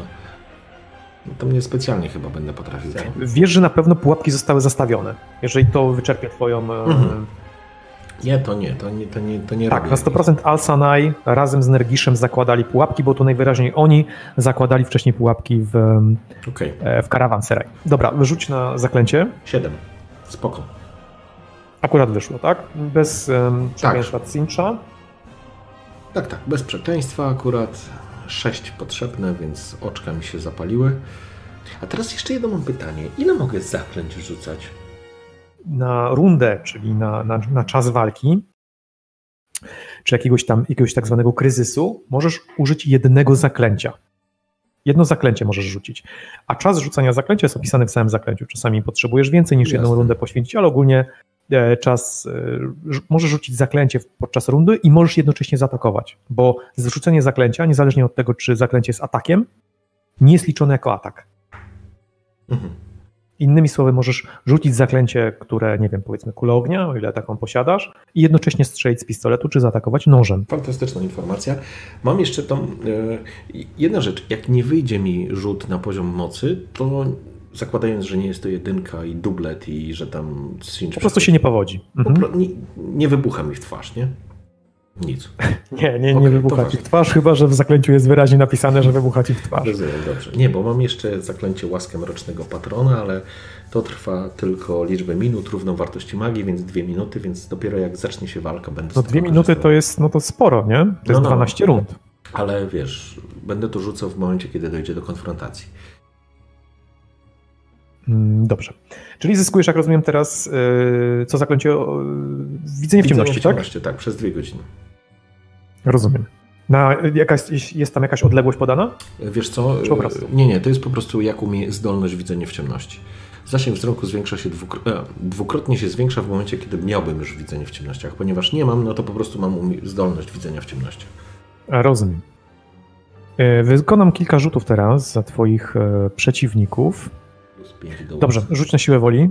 Przepraszam, że ci przerywam, ale rzuć na siłę woli. Wpadasz w panikę i uciekasz z krzykiem. Dobra, już rzucam. Siła woli. Tada. O kurwa, 82. No to już powalczyłem. Rozglądasz się po otaczających was ciemnościach.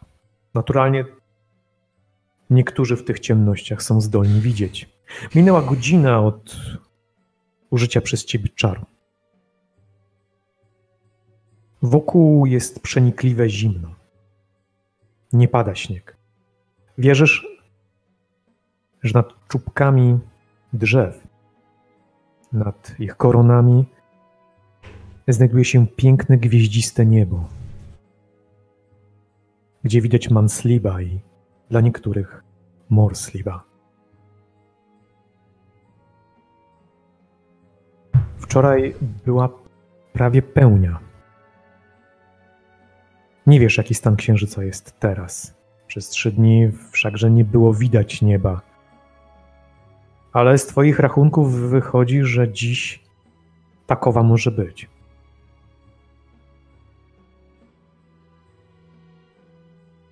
Słyszysz psy, wasze naturalnie psy, i poczułeś, jak włosy na rękach stają ci dęba. Pozostali też to poczuli, ale nie potrafili tego zinterpretować, ponieważ widzisz w ciemnościach, widzisz rysy ich twarzy. Widzisz czarne oczy, które błyszczą w ciemności i rozglądają się niepewnie. Przeszedł ich dreszcz. Ty jednakże i Giselbrecht wyrzucili, wyczuliście to inaczej. To efekt wyładowań magicznych. Obaj to wiecie. Zrobiło się chłodniej o kilka stopni, a może i nawet o 10 albo 15. Nie wieje wiatr, ale jest przenikliwie zimno.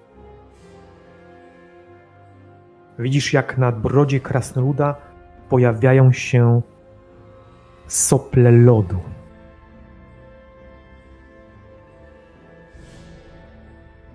Wymieniliście spojrzenia z Giselbrechtem.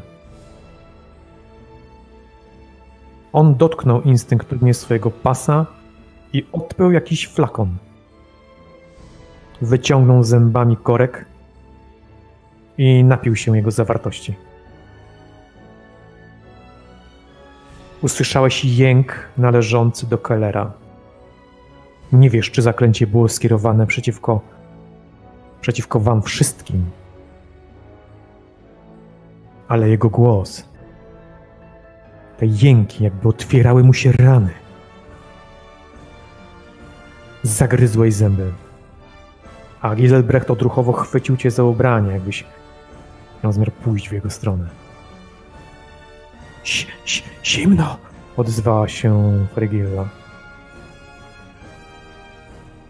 Giselbrecht wyciągnął przed siebie dłoń i widzisz, jak pomiędzy jego palcami chudymi, jak u kościotrupa, pojawił się fioletowy ognik.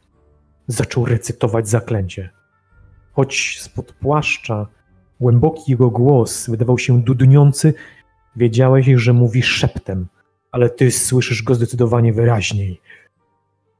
Tak jak zawsze słyszałeś wyraźniej i zawsze widziałeś coś więcej.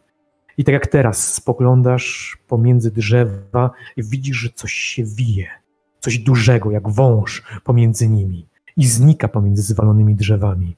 Lecz nie wiesz, czy jest to konsekwencja użycia przez ciebie zaklęć, twojego wzroku, którego, którego stałeś się posiadaczem, czy ich, tych, którzy stają powoli na zwalonych drzewach. Jeden znajduje się kilka metrów nad wami, oczywiście z przodu, mocno. Tam, gdzie jedna z sekwoi ułożyła się charakterystyczny trójkąt. Jeden niżej, jakby ucięło mu nogi, chociaż jest zasłonięty przez zwałę śniegu. Obdarzeni wrogi, bycze, baranie, poroża, jelenie i, i istot, których nie znasz. Widzisz ich kształty, bo już są za daleko, ale wyraźnie widzisz, co mają na swych spisach, na szydłach, na glewiach. To głowy. Głowy w hełmach. Hełmach rycerzy jelenia.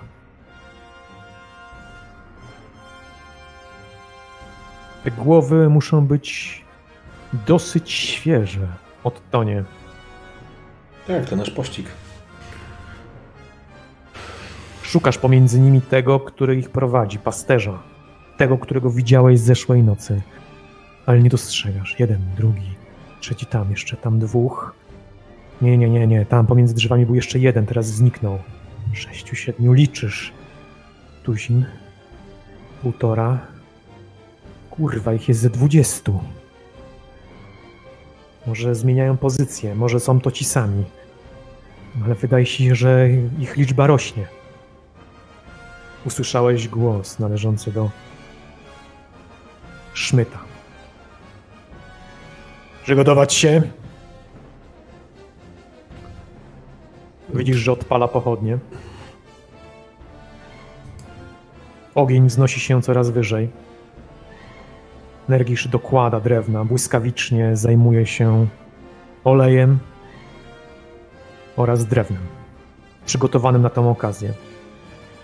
Ciemności zaczynają powoli niknąć, a ty widzisz coraz więcej dzięki swojemu, dzięki swojej magii, dzięki zaklęciu, jak i również światłu pochodzącego z ogniska. Otaczają was półokręgiem, zachodzą was w miejsca, w których nie ma nie ma um, waszych straży. Rigilla ukryta, ty obok Giselbrechta, który kończy zaklęcie. W jego rękach pojawia się kij, kij, którego był pozbawiony, ale ten jest dziwny, utkany jakby z czystej energii wiatru szysz, fioletowego wiatru. Ametyst, który go przepełnia i ostrze postawione na sztorc jest niezwykle groźne, niebezpieczne, jakby niosło ze sobą śmierć. Spojrzałeś na oddech śmierci, który pojawił się jakby spoza czasu. Nie było uderzenia wiatru, nie było uderzenia energii, nie potrząsło jego, jego ubraniem, jego szatą. Jakby od zawsze tam panowało, jakby zegar wybił odpowiednią godzinę. a on z łagodnym spojrzeniem spojrzał na ciebie z uśmiechem. Jakby przygotowany już do potyczki. Stoi tam jak śmierć obok ciebie i ty ze sobą, z tą wbitą laską przed sobą, należącą do twojego wuja. Nagle czujesz, jak lina zaczyna naprężać się na twoim ciele. Zbliżają się. Usłyszałeś strzał. Padł z Ekstersteine. To Bolti oddał jeden strzał. Może sprawdza odległość? Nie wiesz. Odwracasz się. Nie wiesz, czy trafił. Nie wiesz, do kogo strzelał. Widzisz tylko dym wydostający się z dziury na Ekstersteine. Przesuwam, roz... przesuwam tak sznur, żeby był gotowy, że tak powiem, do, do działania, tak? Żeby mógł rzucić, wydać polecenie, żeby on się nagle ze mnie tam nie odwijał, nie? Usłyszałeś bębny. Na początku dwa, trzy, potem ciszę przez moment, a potem więcej tych bębnów. I róg. Tak, to zdecydowanie był róg. Łowczy. Bawoli gdzieś blisko. Aż zadźwięczało ci w uszach. A potem ryk, jeden, drugi. I nagle dostrzegłeś wybijającego się przeciwnika, który wbiegł na wysoko zwalone drzewo. Zaczął machać swoją glewią, na której nabity jest hełm, zrzucając ją. Dostrzegłeś, jak Nergisz wystrzelił z flintlocka Strzał poszedł i trafił go, strącając zwierzoczłeka. Zaczął przeładowywać szybko. Jeżeli będą... Usłyszałeś jak... Jeżeli będzie w odległości oddania strzału bezpiecznego, w sensie takiego, że doleci po prostu, to, to też nie czekam. Wyciągasz przed siebie broń. Dystans, na który strzelasz z niewielkimi minusami, to dystans 16 metrów. To jest mhm. tak zwany skuteczny dystans. Możesz spróbować strzelać dalej, ale to jest dużo trudniejsze na okay. strzelanie na maksymalny sam. Pamiętaj, że możesz celować. Celowanie zwiększa celność o 10%, tak? Plus 10 do umiejętności strzeleckich, ale poświęcasz na to akcję. E, zasięg skuteczny tej broni jest kilka metrów e, w głąb pola walki, czyli przed, e, tą, przed tymi śnieżnymi zasiekami, tak? Mhm. przed tym parawanem e, ze śniegu. To na kilka metrów w, w głąb, czyli krótko po tym, jak oni pojawią się e, w, przed, przed walczącymi e, Wurstem, Schmidtem i, i, i Nergiszem. Jeden z tych odważnych zwierzoludzi wbiegł na, na tylko na moment, pokazując się, żeby zostać strącony przez Nergisza. Wypuścił broń i stoczył się w śnieg. Ruszyli. Z krzykiem. Głębokim, gardłowym rykiem. I bębny nie przestały bić. I rogi nie przestały dąć. I wówczas Izelbrecht rzekł.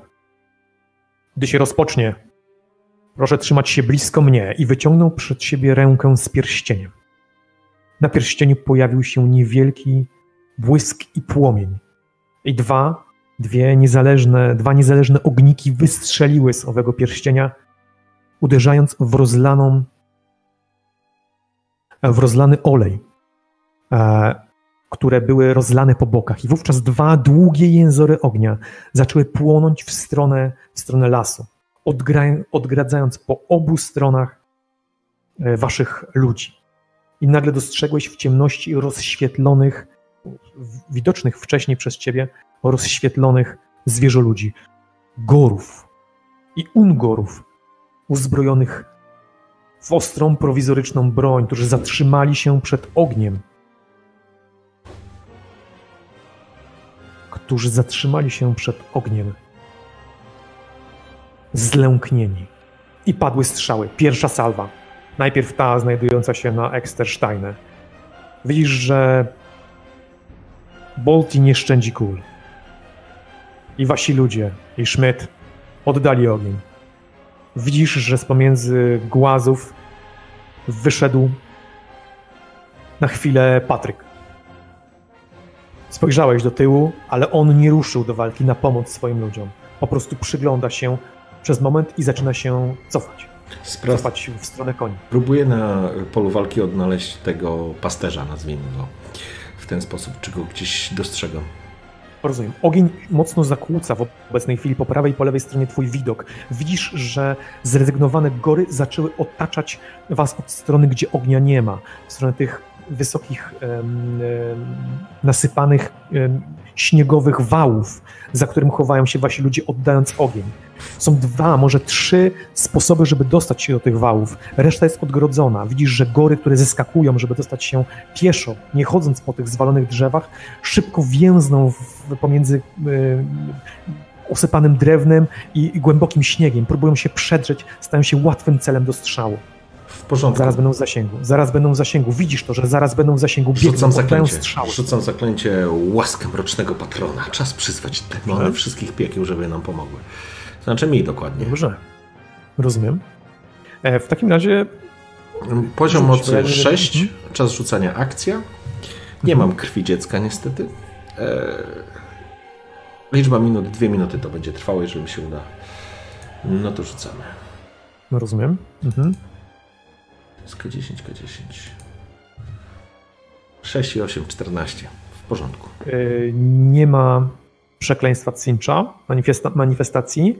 E, powiedz, do jakiego parametru chcesz dodać? Do jak rozumiem, zbierasz, tak? Tak. Jest do Yy, każdego czy do w jednego? trakcie trwania czaru otrzymuję modyfikator plus 10 do dowolnej cechy głównej. Więc ja chciałbym wybrać umiejętności strzeleckie. Świetnie. Zapamiętaj w takim razie, że na dwie minuty masz e, tą, masz ten dodatek. Pamiętaj, że nadal możesz celować Tak, i w tej samej rundzie możesz już oddać strzał. Więc ponieważ to był moment, kiedy oni się zbliżali, zbliżali się do tego optymalnego zasięgu, jeżeli mogę jeszcze przycelować, to na pewno przyceluję. Jeżeli nie, no to, no to, to nie, ale wydaje mi się, że będę mógł jeszcze przycelować. Dobrze, powiedz mi, z jakiego zasięgu ty chcesz strzelać? Z maksymalnego, czy znaczy z długiego, czy mm, krótkiego? Yy, No wiesz co, Flintlock ma 16 ten zasięg i to jest yy, 16 metrów, to jest ten maksymalny? Maksymalny to jest 16 metrów. Jeżeli będziesz chciał strzelać na krótkim dystansie, na 8, to będziesz strzelać, kiedy oni będą już na tych barykadach. A nie, no to wykorzystuję moment, kiedy oni też ugrzęźli w tym śniegu i drewnie, więc to na pewno też ułatwi mi sprzymierzenie w nich, wycelowanie w nich, bo będą Dobrze, mniej rozumiem.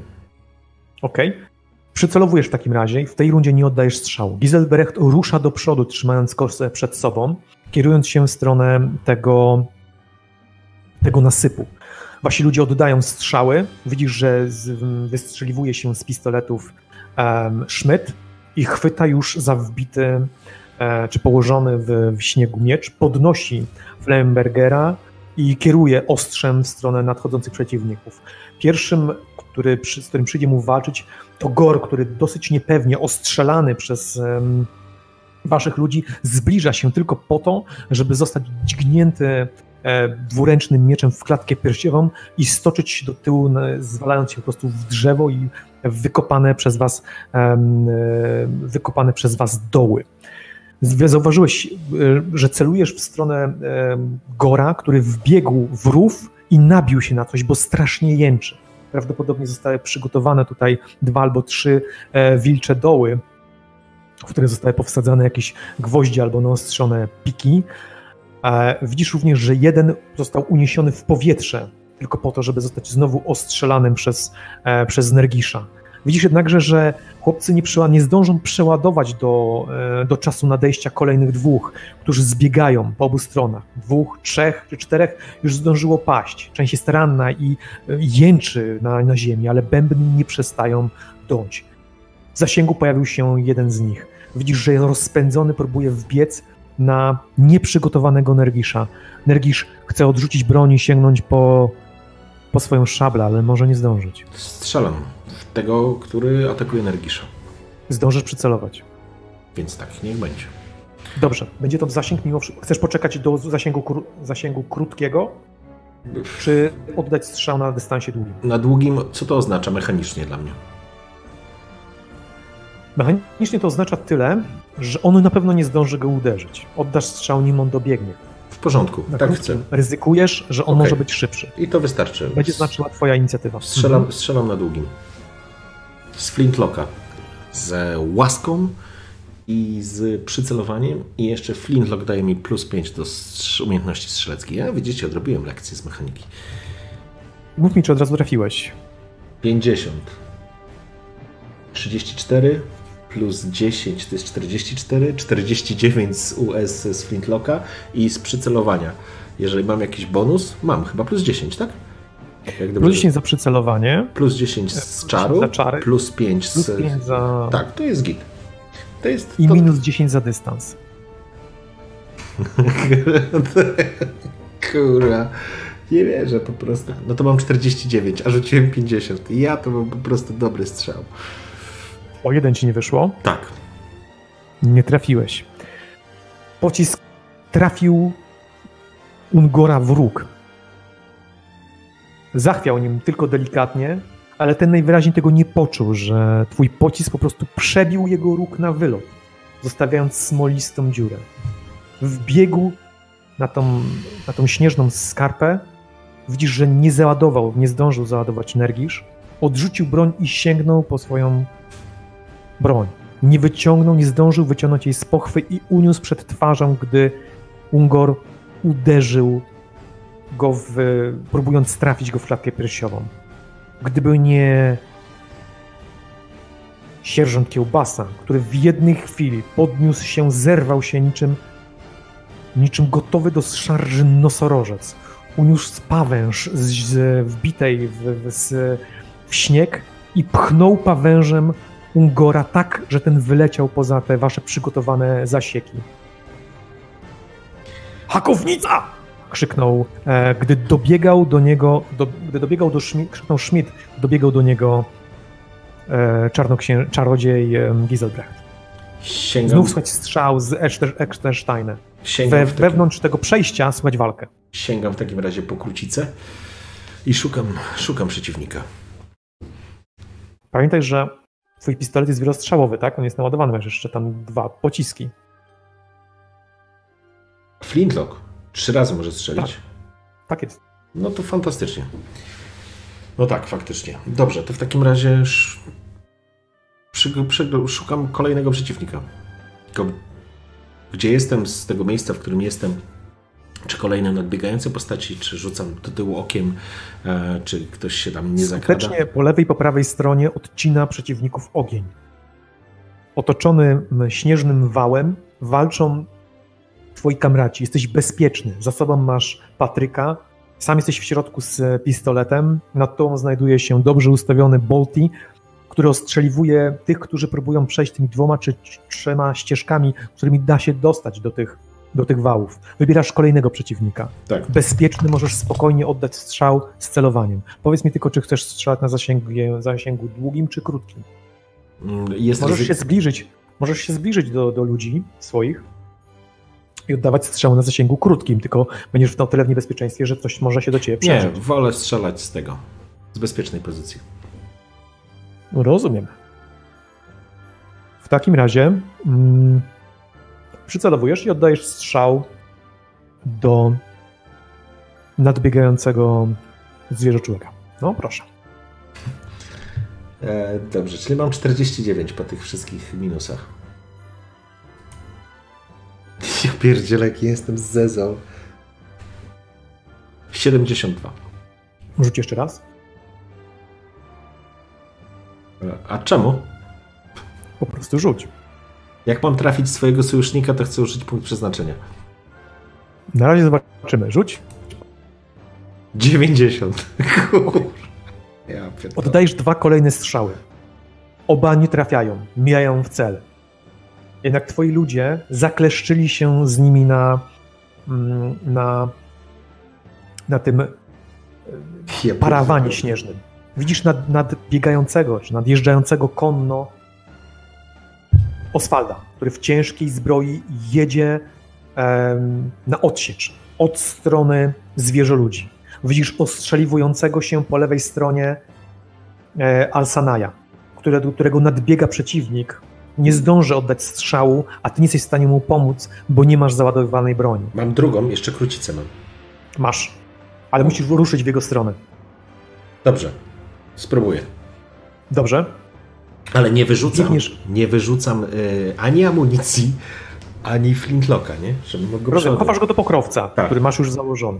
Chowasz do pokrowca i biegniesz w stronę Alsanaja. Widzisz, że Alsanaj oddaje strzał i sięga ręką do kołczana i nagle zdaje sobie sprawę, że nie zdąży wystrzelić. Rzuca się pędem do tyłu w stronę Ekstersteina.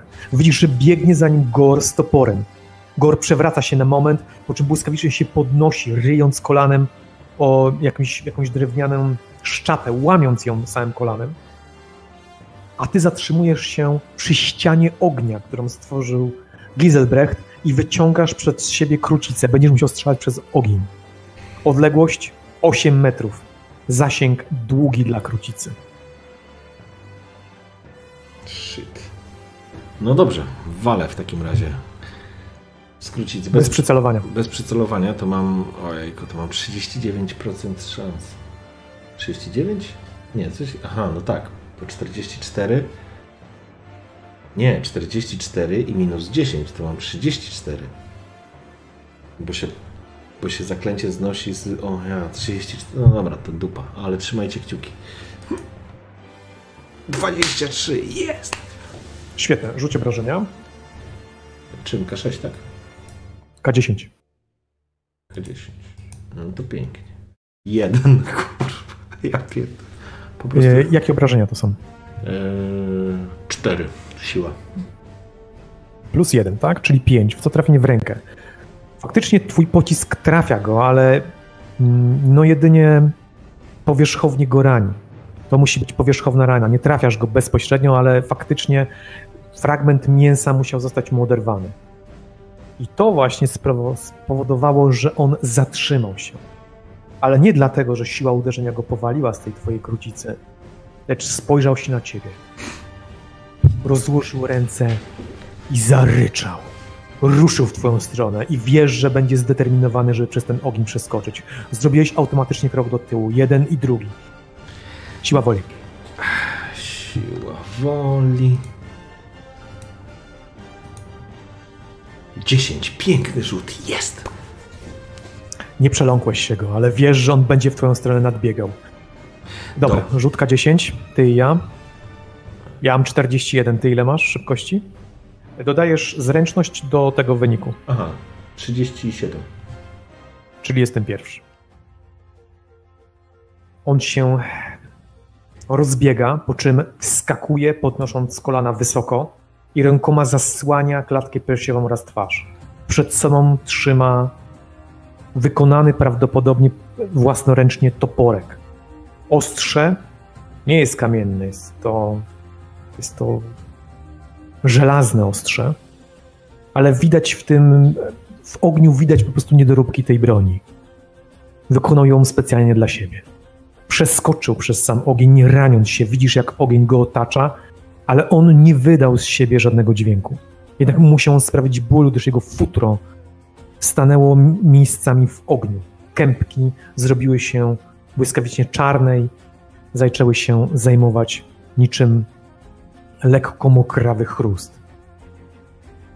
Nagle zdałeś sobie sprawę, że wokół was zaczynają tańczyć płatki śniegu, ale nie wiesz, czy zostało to wywołane przez wy, właśnie wybiegające z pomiędzy Ekstersteine konie, które niczym dwie osobne rzeki próbują wydostać się, jednak nie przeskakując przez ogień, biegną wzdłuż, równolegle do ognia. Ty zrobiłeś krok do tyłu i twój przeciwnik wyprostował się po przeskoku. Nie wiesz, co tam się dzieje. Uniosły się delikatnie płatki śniegu w powietrze. Czas spowolnił. Widzisz, jak na barykadach walczą twoi ludzie, dobywając szabel, toporów i mieczy, blokując się kolbami karabinów. Widzisz, jak Giselbrecht macha kosą, próbując obciąć głowy nadciągającym zwierzoczłekom, ale ty tu masz swój własny pojedynek. Zaryczał tylko na moment, żeby zbić cię z tropu, wystraszyć jeszcze raz, bez powodzenia. Ty przełknąłeś ślinę i znów zrobiłeś krok do tyłu, jednak on nie czekał. Schylił się i zaatakował, próbując toporem ciąć cię w bok. Celował bezpośrednio płuca. Co ja mogę zrobić? Mogę unikać albo parować, tak? Uniku nie masz niestety. Okej, czyli takiej umiejętności. mechanicznie- Musisz się nauczyć. Tak, musisz się nauczyć, ale tylko jakby parować. nau- żebyśmy mieli jasność. Jakby wstęp do uników już masz powoli zrobiony, nie? Po prostu trzeba to e, rozciągnąć. Okej, E, tak, możesz tylko parować. Ale daj mi najpierw rzucić, zobaczymy, co, co się wydarzy. na pewno będzie jeden. Kurwa, 11. To jest standard, to jest Łeb. kurwa standard po Łeb. prostu. Łeb. Co łeb? W łeb nie trafił. No, idzie w łeb, tak. Coś robisz? Chcesz parować? Nie, no czekam. Pewnie, że ten, pewnie, że paruje. Dobrze. Wyszarpujesz e, przygotowaną laskę, wyciągasz przed siebie, no i rzucaj. E, teraz tak, jest to broń, która dodaje ci plus 10 do parowania. Tak.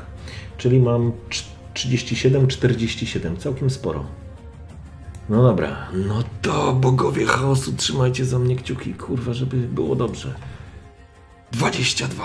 Yeah! Ale jestem kozak, ale mu zajebie teraz. Ja pierdolę. Zrobił wymach przed ciebie, celując w płuco. Zrobił pół, nie, niekompletny obrót wokół własnej osi, po czym markując, zaatakował znów na łeb. Spodziewałeś się tego. Kucnąłeś delikatnie i wyciągnąłeś drewnianą laskę przed siebie, wysoko. Topór uderzył w nią, przez moment miałeś wrażenie, że ona pęknie od samego uderzenia. Ale tak się nie stało. Z tą laską jest coś wyraźnie nie tak. Zbiłeś jego topór na bok, wymierzyłeś laską w jego stronę. I próbuję No i go dotknąć, rzucając zaklęcie. Okay, Zaklęcie, zamroczenie. Czas rzucania akcja. Cztery punkty mocy. Jeżeli muszę go dotknąć, Znaczy teraz tak, no i wyrzucasz zaklęcie, które Aha. zostaje aktywowane na ręce, a następnie próbujesz go dotknąć. To jest jedna akcja rzucenia zaklęcia i jedna akcja dotyk. Dobrze. Okej. Tak też się niech dzieje. Więc rzucam zaklęcie. E, Jak się nazywa zaklęcie i co robi? Zamroczenie. Dotyk czarnoksiężnika oszałamia dowolnego przeciwnika, który musi wykonać test siły woli. Nieudany test oznacza, że otrzymuje modyfikator minus 20 do wszystkich testów cechy i umiejętności. Zamroczenie jest czarem dotykowym, czyli to, co powiedziałeś. Dobrze. W takim razie najpierw e, zobaczmy, czy wyjdzie ci zaklęcie. Wyjdzie mi 4 punkty. Używasz jakiegoś składnika? Nie mam, bo tu potrzebny pączek czarnego lotosu, ale jeszcze nie mam, więc rzucam 2K10. 8, 18, chłopie, rzucam 4 pod rząd po prostu. Zebrałeś energię w swoje ręce. Widzisz, jak moc otaczającego ciebie ciemności zaczyna gromadzić się na twojej, twoje ręce. Widzisz, jak płomienie, które, e, w których w tej chwili tańczą e, końskie cienie, no bo tak narzucane są, nie? Przez jakby na cały las nagle żył wokół płomieni, zaczynają zbierać się i gromadzić pomiędzy twoimi palcami. Czujesz energię, która no, jest, pulsuje w, w twojej ranie. W, w której dłoni? W lewej czy prawej? Jestem oburęczny, nie ma tak masz obręczny. W której ręce? W prawej, w lewej, tak? No bo nie ma Prawy, znaczenia. dobrze. Tak jak Dobrze. jeżeli on, wiesz, sparowałem, to No nie wiem, którą ci obciąć. Nieważne, będzie dobrze, rzucam. Dobrze. E, walka wręcz. Kurwa, zamorduję skurwysyna. Kurwa, 61, jakim ja jestem głąbem. Rozumiem. Wyciągasz przed siebie rękę i próbujesz go dotknąć tą ręką. Gdy on y, został zbity, miałeś szansę na to. Jego topór znajdował się częściowo na ziemi, częściowo w jego dłoni, jednak on uskoczył. Widział, że coś w tej ręce jest nie tak. Odtrącił ją drugą, wolną ręką z pazurami.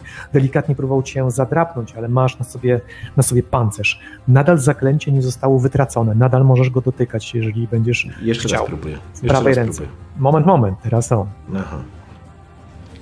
Zaryczał znów na krótko, na moment i spróbował e, cię pochwycić. Jak pochwycić mnie bydle chce? No, pochwycić, pochwycić. Kurwa, wyrwę mu po prostu serce. Co, ile rzuciłeś? Cztery. Cztery. Ja, kurwa, jak ja mam z nim grać? No przecież to jest jakiś bezsens. Kurwa, no i pochwycił ciebie. Widzisz, że chwycił cię pod jedną e, z rąk, w miejsce, gdzie znajduje się to zaklęcie, tak żebyś nie mógł go tym dotknąć w taki sposób i próbuje ci założyć niedźwiedzi uścik na szyję. E, nie odrzucił topora, nadal go trzyma w tej samej ręce, którą próbuje ciebie udusić. No i teraz musisz się albo musisz się z tego wydostać. E, możesz tak, powiem ci, jakie masz akcje. On jest za tobą, próbuje, za, no, założył ci udany chwyt, ale ty możesz się z niego albo wydostać, używając zręczności, albo wydostać się używając krzepy, i to w zależności od tego, czy użyjesz zręczności, czy krzepy, będzie inny efekt. Ale możesz też spróbować wyswobodzić tą rękę i go dotknąć. Hmm, to co, trzeci ruch jest? Tak, trzecia opcja. Nie? Możesz wykonać po prostu jedynie e, wyswobodzenie ręki i go dotknięcie. Od razu mm, zaznaczę tobie, że nie wiesz, czy do tego czasu nie stracisz przytomności. Jedna nie? rzecz. Mam jeszcze linę. Tu mam się patrzeć. Masz. Mam jeszcze linę. Czy no mogę... tak, ale to musisz ją uruchomić, siła woli. To jest ak akcja. Okej, okay, czyli nie mogę zrobić dwóch rzeczy, próbować się wyswobodzić i wydać polecenia linii. Możesz, możesz. Jedną akcją możesz się wyswobodzić, drugą akcją możesz wydać polecenie linii. No to tak spróbujmy zrobić. Dobrze, która pierwsza akcja? Lina. Jeżeli, Rozumiem. Jeżeli mi się nie uda... Koncentrujesz się. Mhm. Polecenie, jakie polecenie? Duś. Dobrze. Siła woli, tak? Tak. 23. Jest, działa. Dobrze. Lina na pewno zaatakuje. Bardzo dobrze i próbuję się wyswobodzić. Teraz tak, zręczność mam na 30, a krzepę na 32. No to zawsze dwa punkty więcej. To krzepa. Próbuję zerwać jego. Siłą. Tak. Mhm. Dobra, rzucamy. Zajebie go, kurwa. 63, ja pierdolę po prostu jakoś... Dobrze, nie udało ci się um, wyswobodzić. Czujesz, że powoli zaczynasz odpływać. Na Lina. krótko przed tym, jak Lina się wyswobodziła, i Lina rzuciła się w jego stronę, próbując go E, opleść i również zadusić tak samo jak i, jak i on ciebie. Dobra, to jest na krzepę. No i co, jeden rzucisz? No ty rzucaj. Aha, ja rzucę. Dobra. 22, kurwa. Zagryzłeś zęby. To nie pierwszy dzień z księciem Patrykiem w tym lesie. Czujesz, że nie tuwasz, możesz teraz znowu wykonać dwie akcje. Nie odpłynąłeś. On próbuje cię udusić, Lina on próbuje udusić jego. On harczy, ty harczysz. Bardzo dobrze, bardzo dobrze. Yy, próbuję się oswobodzić. Próbujesz ustawić się no, nogami tak, żeby, ale ześlizgujesz się po tym. Widzisz, że walka się toczy w zwolnionym tempie. No rzucaj, co chcesz robić? Wyswobodzisz się, czy znaczy chcesz się wyswobodzić, chcesz go dotknąć? Chcę go dotknąć, chcę się wyswobodzić. Możesz też rzucić zaklęcie. Yy, no ale tu nie mam teraz nic lepszego na podorędziu. To jest najlepsza opcja w tym momencie, więc... Dobra. Próbuję go dotknąć i próbuję się wyswobodzić. Dobra. Tak, to e, będzie idealne. Najpierw, e, mhm. najpierw spróbuj wyswobodzić zręczność. Dobra. E, a mogę na krzepę, czy nie? Jeżeli chcesz go dotknąć ręką, to musisz wyswobodzić tą rękę. Okej, okay, czyli na zręczność, w porządku. Tak. No to wyswobodzamy się. 11. Jest! Świetnie, wyswobodziłeś rękę. Teraz musisz go dotknąć tym zaklęciem. To nie jest automatyczne. To jest plus 40 do testu. Walka wręcz plus 40. Dobra, to 77. Jeżeli to spierdolę, to już wszystko spierdolę. 59, ale. Dobrze. Jest... Czujesz nagle, że energia Twojego zaklęcia zaczyna przechodzić przez tą istotę. Czujesz, że on ryczy z bólu, gdyż porażenie tym zaklęciem jest potężne. Czujesz, jak jego mięśnie zapadają się e, wewnątrz, wewnątrz e, skóry. Dobrze. Masz wrażenie, jakby pękały jakieś, jakieś, jakieś, e, jakieś gnaty. Cudownie. Lina też go chyba w tym czasie też będzie dusić. E, Teraz próbuj, próbuj się wys wyswobodzić. Aha, całkiem. Masz plus 20 zaklęcia, tak. Całkiem, siła. E, siła. Krzepa. Krzepa, krzepa, czyli to jest 32. No to wychodzimy i robimy miazgę. Kurwa, 94. Nadal nie, nie możesz się wyswobodzić. Nie wierzę. Nie wierzę. Okej, okay, powiem ci, jak sytuacja on wciąż cię dusi. Nadal pomimo tego, że stracił no, dużą, dużo część siły, nadal jest w stanie ciebie utrzymać. Lina jednakże w końcu oplotła się wokół jego szyi, no i próbuje go e, naturalnie zadusić. No niestety, on jest równie wytrzymały co ty. Dusicie się obaj i czujesz, że no jeżeli teraz nie wykonasz testu, jeżeli nie uda ci się, po prostu odpłyniesz. Test krzepy. Jasna dupa. Jedziemy z koksem. Jeden! Jeden! Drugi raz jeden na tej sesji. Jest! Okay. Kurwa, rozrywam mu po prostu grdykę palcami. O kurwa, ja, ole ma przejebane, ja pierdolę. Idę ich wszystkich zabić. Jeden po drugim, a na końcu Patryka. Okej, słuchaj, no to jest piękny rzut. Pięknie. Nie dość, że uniosłeś rękę, tak, że chwyciłeś go za jego włosie, próbowałeś chwycić go za kark i udało ci się. Chwyciłeś go za róg, w miejsce, gdzie najwyraźniej czego się nie spodziewał. Wykorzystałeś to i zacząłeś ciągnąć bardzo mocno wzdłuż swojego ramienia. Lina go dusi, no widzisz, aż wychodzą mu bielma. Puścił cię. Założyłeś, obróciłeś się wokół jego, jego, jego postaci, w połowie leżąc, w połowie będąc na siedząco, chwyciłeś go za rogi, obróciłeś tak, że stanąłeś za jego plecami i sam założyłeś mu chwyt wokół szyi. Teraz ty i oraz Lina zaczynacie go dusić. Sięgam po sztylet, chcę mu poderżnąć gardło. Dobrze? Wyciągasz jedną ręką e, sztylet, Mhm. e, no i teraz dźgasz. Plus 40 do walki wręcz. Nadal trzymasz go, nadal Okej. jest to bardzo prawdopodobne, że go trafisz, ale no nadal nie jest stuprocentowy. Dobra, jak to spieprzę. 88, nie wierzę, poczekaj. Dźgnąłeś i wbiłeś w jakiś, fra- w jakiś fragment zbroi skórzanej, który miał na sobie. O Wbiłeś, poczułeś, że ostrze się wbiło, ale masz wrażenie, że nie trafiłeś po prostu w, w ciało. Nadal się oczywiście wierzgacie, nie, jest- nie, on Mhm. nie siedzi grzecznie, tylko walczycie. Lina go dusi, rzuca na jego krzepę. Traci przytomność. Widzisz, że zaczyna po prostu zamykać oczy, on przestaje drgać, przestaje No. się szarpać. Lina go dusi, ty go dusisz, dźgasz go tym nożem. Tak. E, Chcesz go mimo wszystko zadźgać? No kurwa, pewnie. Czy mimo wszystko puszczasz go? Nie, mu gardło. Tak, oczywiście. Tak, przypominam sobie karawana istota- sera i po prostu tak, chcę go zamordować, wyrwać mu flaki. Mhm. Rozumiem. Słyszysz rogi. Gdy podnosisz się we krwi, bo masz na, na, na swojej zbroi, na zbroi Tomasa krew zwierzoczłeka, trzymając w ręku, jakim nożem podrzynasz to gardło? No oczywiście tym, którym sobie przygotowałem, czyli wujaszka i Orlanda. Rozumiem. Rozumiem. W takim razie będzie potrzebny trochę dłuższy opis. Stoisz nad ciałem. Wokół dogasają zwolna płomienie. Konie biją kopytami w śnieg. Cienie walczących postaci uciekają w las. Nadal oddawane są strzały, ale ty tego nie widzisz, nie, nie słyszysz. Masz wrażenie, że jakbyś był odrętwiały. Trzymasz w ręku nóż swojego wuja. Przyjacielu! Słyszysz głos. Drżysz. Na szyi tej istoty coś się pojawia. Rozorałeś mu tą szyję, ale zamiast krwi wychodzi coś innego. Otworzyła się paszcza. Paszcza z zębami, która zaczęła kłapać na krótko przed śmiercią. Lina wskoczyła pod twoje ubranie i zaczęła cię obwiązywać, choć nadal jest gotowa do walki w każdym momencie. Ciężko oddychasz, a masz wrażenie, że jakbyś stał obok, jakbyś się na siebie patrzył. W końcu, w końcu, w końcu! Słyszysz głos. Mój kochany, jeszcze, jeszcze, jeszcze. Trzymasz w ręku ostrze, Och, tak. płomienie tańczą w środku lasu, O, tak. sekwoje. Tak. Oddawane strzały wolniej.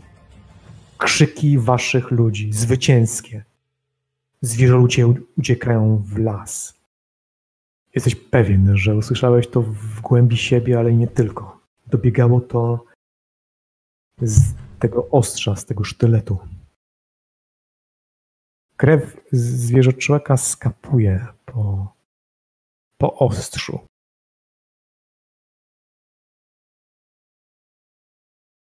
Cudownie. Przyglądam się ostrzu. Przyglądam się oglądając szkarłatne zabarwienie. Kropla za kroplą, która wpada w śnieg. Widzisz zbliżającego się z kątem oka. Widzisz zbliżającego się w swoją stronę Giselbrechta, który właśnie odwołuje zaklęcie kosy. Fioletowe ostrze postawione na sztorc kosy bojowej znika. Nie ma już walki, ale wciąż słychać krzyki niedobitych istot. Widzisz kątem oka, że Szmyt wbija swój miecz w jakiegoś wciąż drgającego zwierzoluda. Widzisz, że przedarł się Centigor, niczym centaur. Chciał, musiał przeskoczyć przez ogień i zaatakować waszych od tyłu, ale rany, które zostały zadane na jego klatce piersiowej wskazują na to, że Giselbrecht sobie z nim poradził. Ciął bardzo głęboko. Otwarły się, ale nie w taki sposób jak u ciebie. Jesteście z pewnością pokaleczeni, ale żywi, nie spodziewali się tego. Nie liczy ciał ani członków. Ogień dogasa, a on się zbliża. Zatrzymuje się zbyt daleko. Wie, że coś jest nie tak, wyraźnie. I instynktownie czujesz strach magistra Gebojera. Jego, jego, jego! Słyszysz głos. Szaleństwo szaleństwem, ale próbuję... Jakie szaleństwo? próbuję... Żadnego szaleństwa nie czujesz. Rozumiem. Czujesz się dobrze, bardzo Bardzo, dobrze. ba- wyjątkowo dobrze się czuję, to w ogóle bez dwóch zdań, ale to ja muszę panować nad tą mocą, a nie ta moc nade mną. Jaką mocą? O czym ty mówisz? Nie wiem, nad tym wszystkim, co mi się w głowie teraz dzieje. Obracam się do niego, uśmiechając się przez zęby. Spoglądasz na niego. Nikt inny nie, nie zwrócił na siebie uwagi. Wszyscy inni się cieszą ze zwycięstwa. Widzisz wychodzącego Patryka, który również na ciebie nie zwracał uwagi. Wyciera w swój płaszcz lordowski miecz, który musiał zrobić pracę, wykonać ją. Silbert przygląda się, ale nie tobie, tylko ostrzu, które trzymasz. Kiedy się obróciłeś w jego stronę, spojrzał na ciebie. Ma rękę wyciągniętą przed sobą i stoi bokiem, a jak cię uczył Patryk, to jest pozycja bojowa. Może u czarodziejów nie potrzeba miecza w dłoni. Ma lekko rozwarte usta. Chowam sztylet w pochwę. Siła woli. No właśnie, tak to z tymi demonami bywa. 34. Ja tu jestem panem. 41 mam. Od to, co ty robisz! Od to, co ty robisz! Chowasz sztylet. Tak. Głos smilknie. Widzisz, że Giselbrecht się wyprostowuje, ale jego oczy się zmieniły. Wcześniej nie obawiał się ciebie za grosz. Za grosz. Uśmiechał się życzliwie i traktował cię jak małpę. W tym momencie stoi wyprostowany jak struna, a jego oczy są bardzo poważne. Nie odzywa się. Daje ci do zrozumienia, że coś się zmieniło. A może nie chce dać ci do zrozumienia, ale widzisz jego, w jego oczach to, co musieli czuć ci, których, których ścigał. W końcu jest apologetą. Patrzy na ciebie jak na wroga. Choć opuścił rękę, Mhm. Wygraliśmy. Czyż nie? Uśmiecham się. Piękna robota. Słyszysz głos przechodzącego obok e, ciebie wursta, który ci poklepuje. Uśmiecham Ale w towarzystwie łapanych koni i raczej licznego zadowolenia i tego, jak psy wracają z mordami pełnymi krwi. Mówię oczywiście o Biance i o chwacie. Alsanaju, który, któremu uratowałeś życie najprawdopodobniej. Jednak nie zwracasz na nich uwagi. Ty patrzysz na Giselbrechta. Ale nie wyzywająco. Nie, nie chodzi mi o to, żeby go konfrontować ze sobą. Nie, Nie nie. rozumiesz, on patrzy na ciebie tak, jakby sobie z czegoś zdał sprawę. Mhm. Okej. Sięgam po laskę swoją. Rozumiem. Poczułeś, że ktoś kładzie ci rękę na ramieniu i odwróciłeś się w stronę osoby, która najwyraźniej chciała ci pogratulować. To Oswald. Świetna robota, panie Peckendish. Uśmiecham się. Dziękuję. Wygraliśmy, to się liczy. Z położoną ręką tobie na ramieniu spojrzał na księcia i dostrzegłeś, że książę również zwrócił na niego uwagę. Nie patrzy na ciebie, ale wiesz, że o tobie będzie mówić. Kiwnął głową. Jest lepszy niż sądziliśmy. Widzisz, jak chowa wytarty miecz. A podprowadza mu konia właśnie Nergisz. Jakieś straty? Czy Spojrzał komuś do się nie tyłu udało? w korytarz i nagle zdałeś sobie sprawę, kto mu towarzyszył przez cały czas. To Malawa. E, Księciu, tak? Lordowi. Tak. Nie widziałeś go podczas całej walki. Chodził, nie mogąc znaleźć sobie miejsca i uznał, że trzeba wspomóc lorda. Jest zadowolony, więc również tam musiała toczyć się walka. Te konie nie bez powodu wydostały się stąd. Okej. Będziemy tu nocować, odezwał się lord. Zbierzcie ciała, rozpalcie ogień. Dziś my będziemy bić w bębny. Swoją drogą bębny ustały, żeby mieć jasność. Bębny i rogi przestały być słyszane. Chciałeś walki Peckendish? Miałeś ją. Czy ktoś przeżył? Pytam się, czy ktoś z napastników przeżył? Co z tym pasterzem? Czy ktoś go dopadł? Czy został zabity? Oswalda się pytam. Czy widział? Mhm. Czy, wiesz, obracam się do ludzi, pytam się, czy ktoś widział pasterza? Tego człowieka. Tak, rozumiem. Nie, nie. Pas, pasterza nie było podczas e, tej walki, jak Aha, tego jak go opisałeś. E, Jeżeli był, to był z tyłu. Okej. E, Z tego, co, powie, co, co zrozumiałeś, Oswald uderzył na plecy konną, uderzył na plecy tych wjeżdżających na, na tą waszą palisadę śnieżną, no i zaatakował po prostu szarżując, próbując ich zrzucić. Został otoczony i wówczas na pomoc wyszedł mu Nergisz i Wurst razem z, ze Szmytem, no i zaczął się no już wymiana, wymiana walki, nie? Już ostro wymiana walki. Z tyłu wiesz, że przez e, palisadę, przez tą zasłonę drewnianą chcieli się również przedrzeć zwierzoludzie, ale zostali odbici czy odepchnięci przez księcia oraz malawę. Keller. Co z Kellerem? Cierpi, wyraźnie cierpi, gdy tylko zdałeś sobie sprawę, że był zagłuszany przez wasze krzyki zwycięstwa i, i skandowania wiktorii. Kucnąłeś przy nim i, zdałeś sobie sprawę, że zaklęcie, choć nie dotknęło ciebie ani, ani pozostałych, na kelerze jednak odcisnęło piętno. Nie wiesz, jak mu pomóc. Cierpi. Potrzebujesz jakiegoś miejsca, gdzie będziesz miał dostęp do, do, do, do ciepłej wody, ogniska, spokoju. On, on potrzebuje przede wszystkim ciepła, odpoczynku. Takie szarganie się z nim i ciąganie go to, to nie jest e, sposób na regenerację, na wyzdrowienie.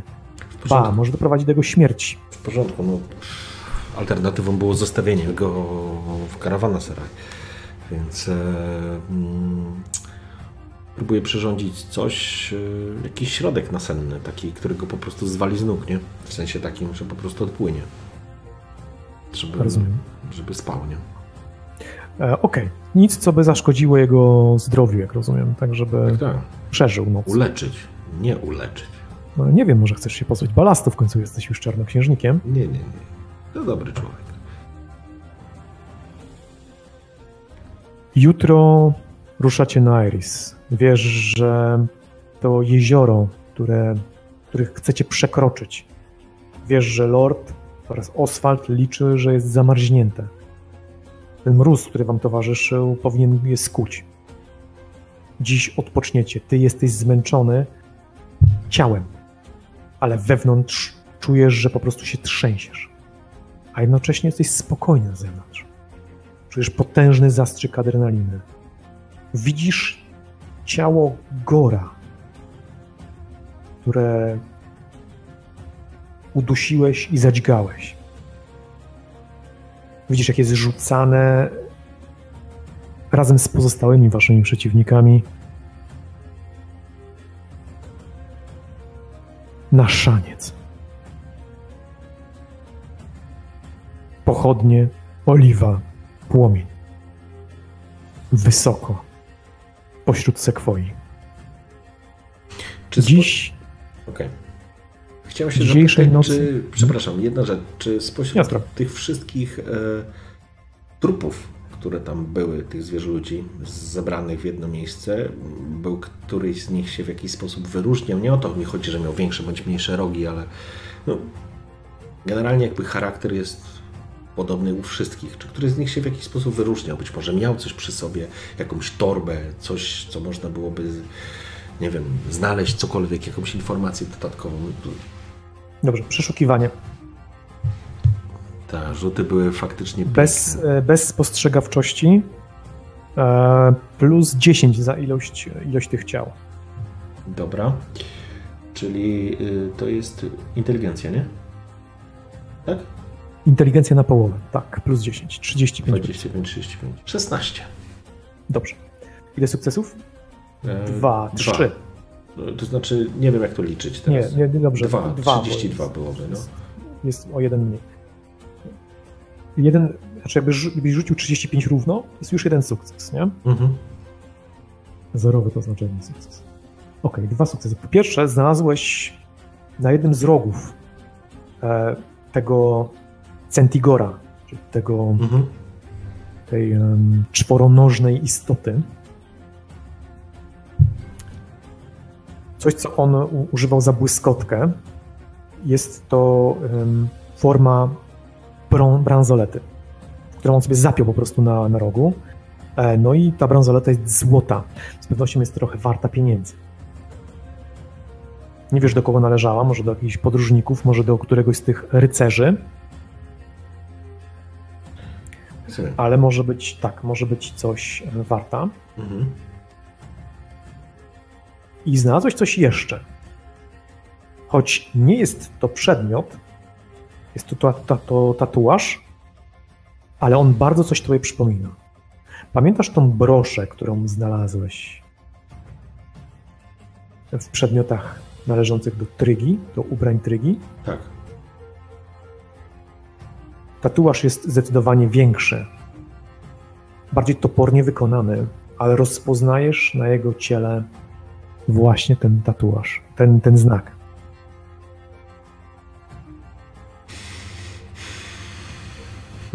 Zbliżamy się zatem. To ciekawe. Dobrze. Istoty te musiały się również samo okaleczać, chociaż ciężko to stwierdzić po ilości kul, włóczni, koncerzy, ostrzy toporów i mieczy, które zostały użyte, żeby ich zabić. W sumie udało wam się pokonać 13, wielu ranić. Większość uciekła, ale 14 czy 13 w- wyzionęło ducha. Teraz płoną na stosie. Szmyt, y, może nie Szmyt, Wurst zauważył, oczywiście się śmiejąc żartobliwie, że jeden uciekł bez ręki, pokazując długą rękę jakiejś istoty. Co do samych istot, to wśród nich były gory, centigory i ungory. Piekielnie niebezpieczne bestie. No, Ale pasterza brak. Jeszcze się pewnie spotkamy.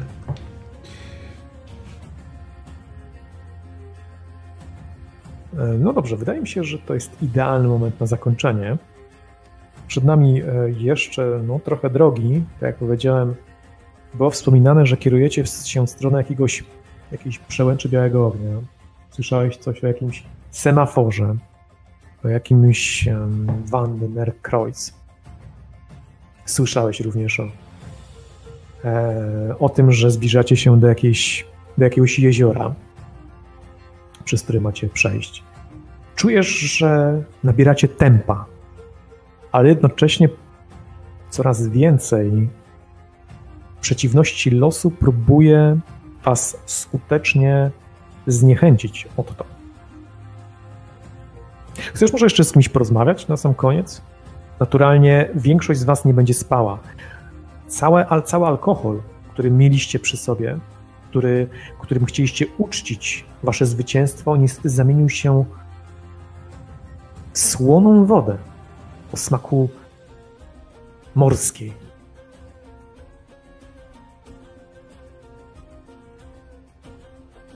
Domyślasz się, że pan Malawa był niepocieszony, żywo niepocieszony. No pewnie tak. Rozumiem, że nikt nie odniósł poważniejszych obrażeń podczas tej walki. Nie, Czyli mój pomysł na zasadzkę się sprawdził. zgadza się. Sprawdził się w 100%. Tak. No właśnie, jako przyszły król wszechświata muszę podejmować ważkie decyzje. E, dobrze. E, nie, nie będę. Nie będę z nikim rozmawiał. Nie będę z nikim Oczywiście rozmawiał. rzucasz zwycięskie spojrzenie Frigilli. To znaczy, na zasadzie, nawet nie. Myślę, że po tej sytuacji z e, Karawana Seraj nie chodzi mi o to, żeby jej tam dopierdolić na zasadzie, przepraszam, w sensie, wiesz, dogryźć. Nie, po prostu uśmiecham się i mówię, że się udało, nie? Teraz Mhm, możemy rozumiem. bezpiecznie dalej podróżować. I tyle. I nie, nie, absolutnie nie dowalam jej. Absolutnie nie.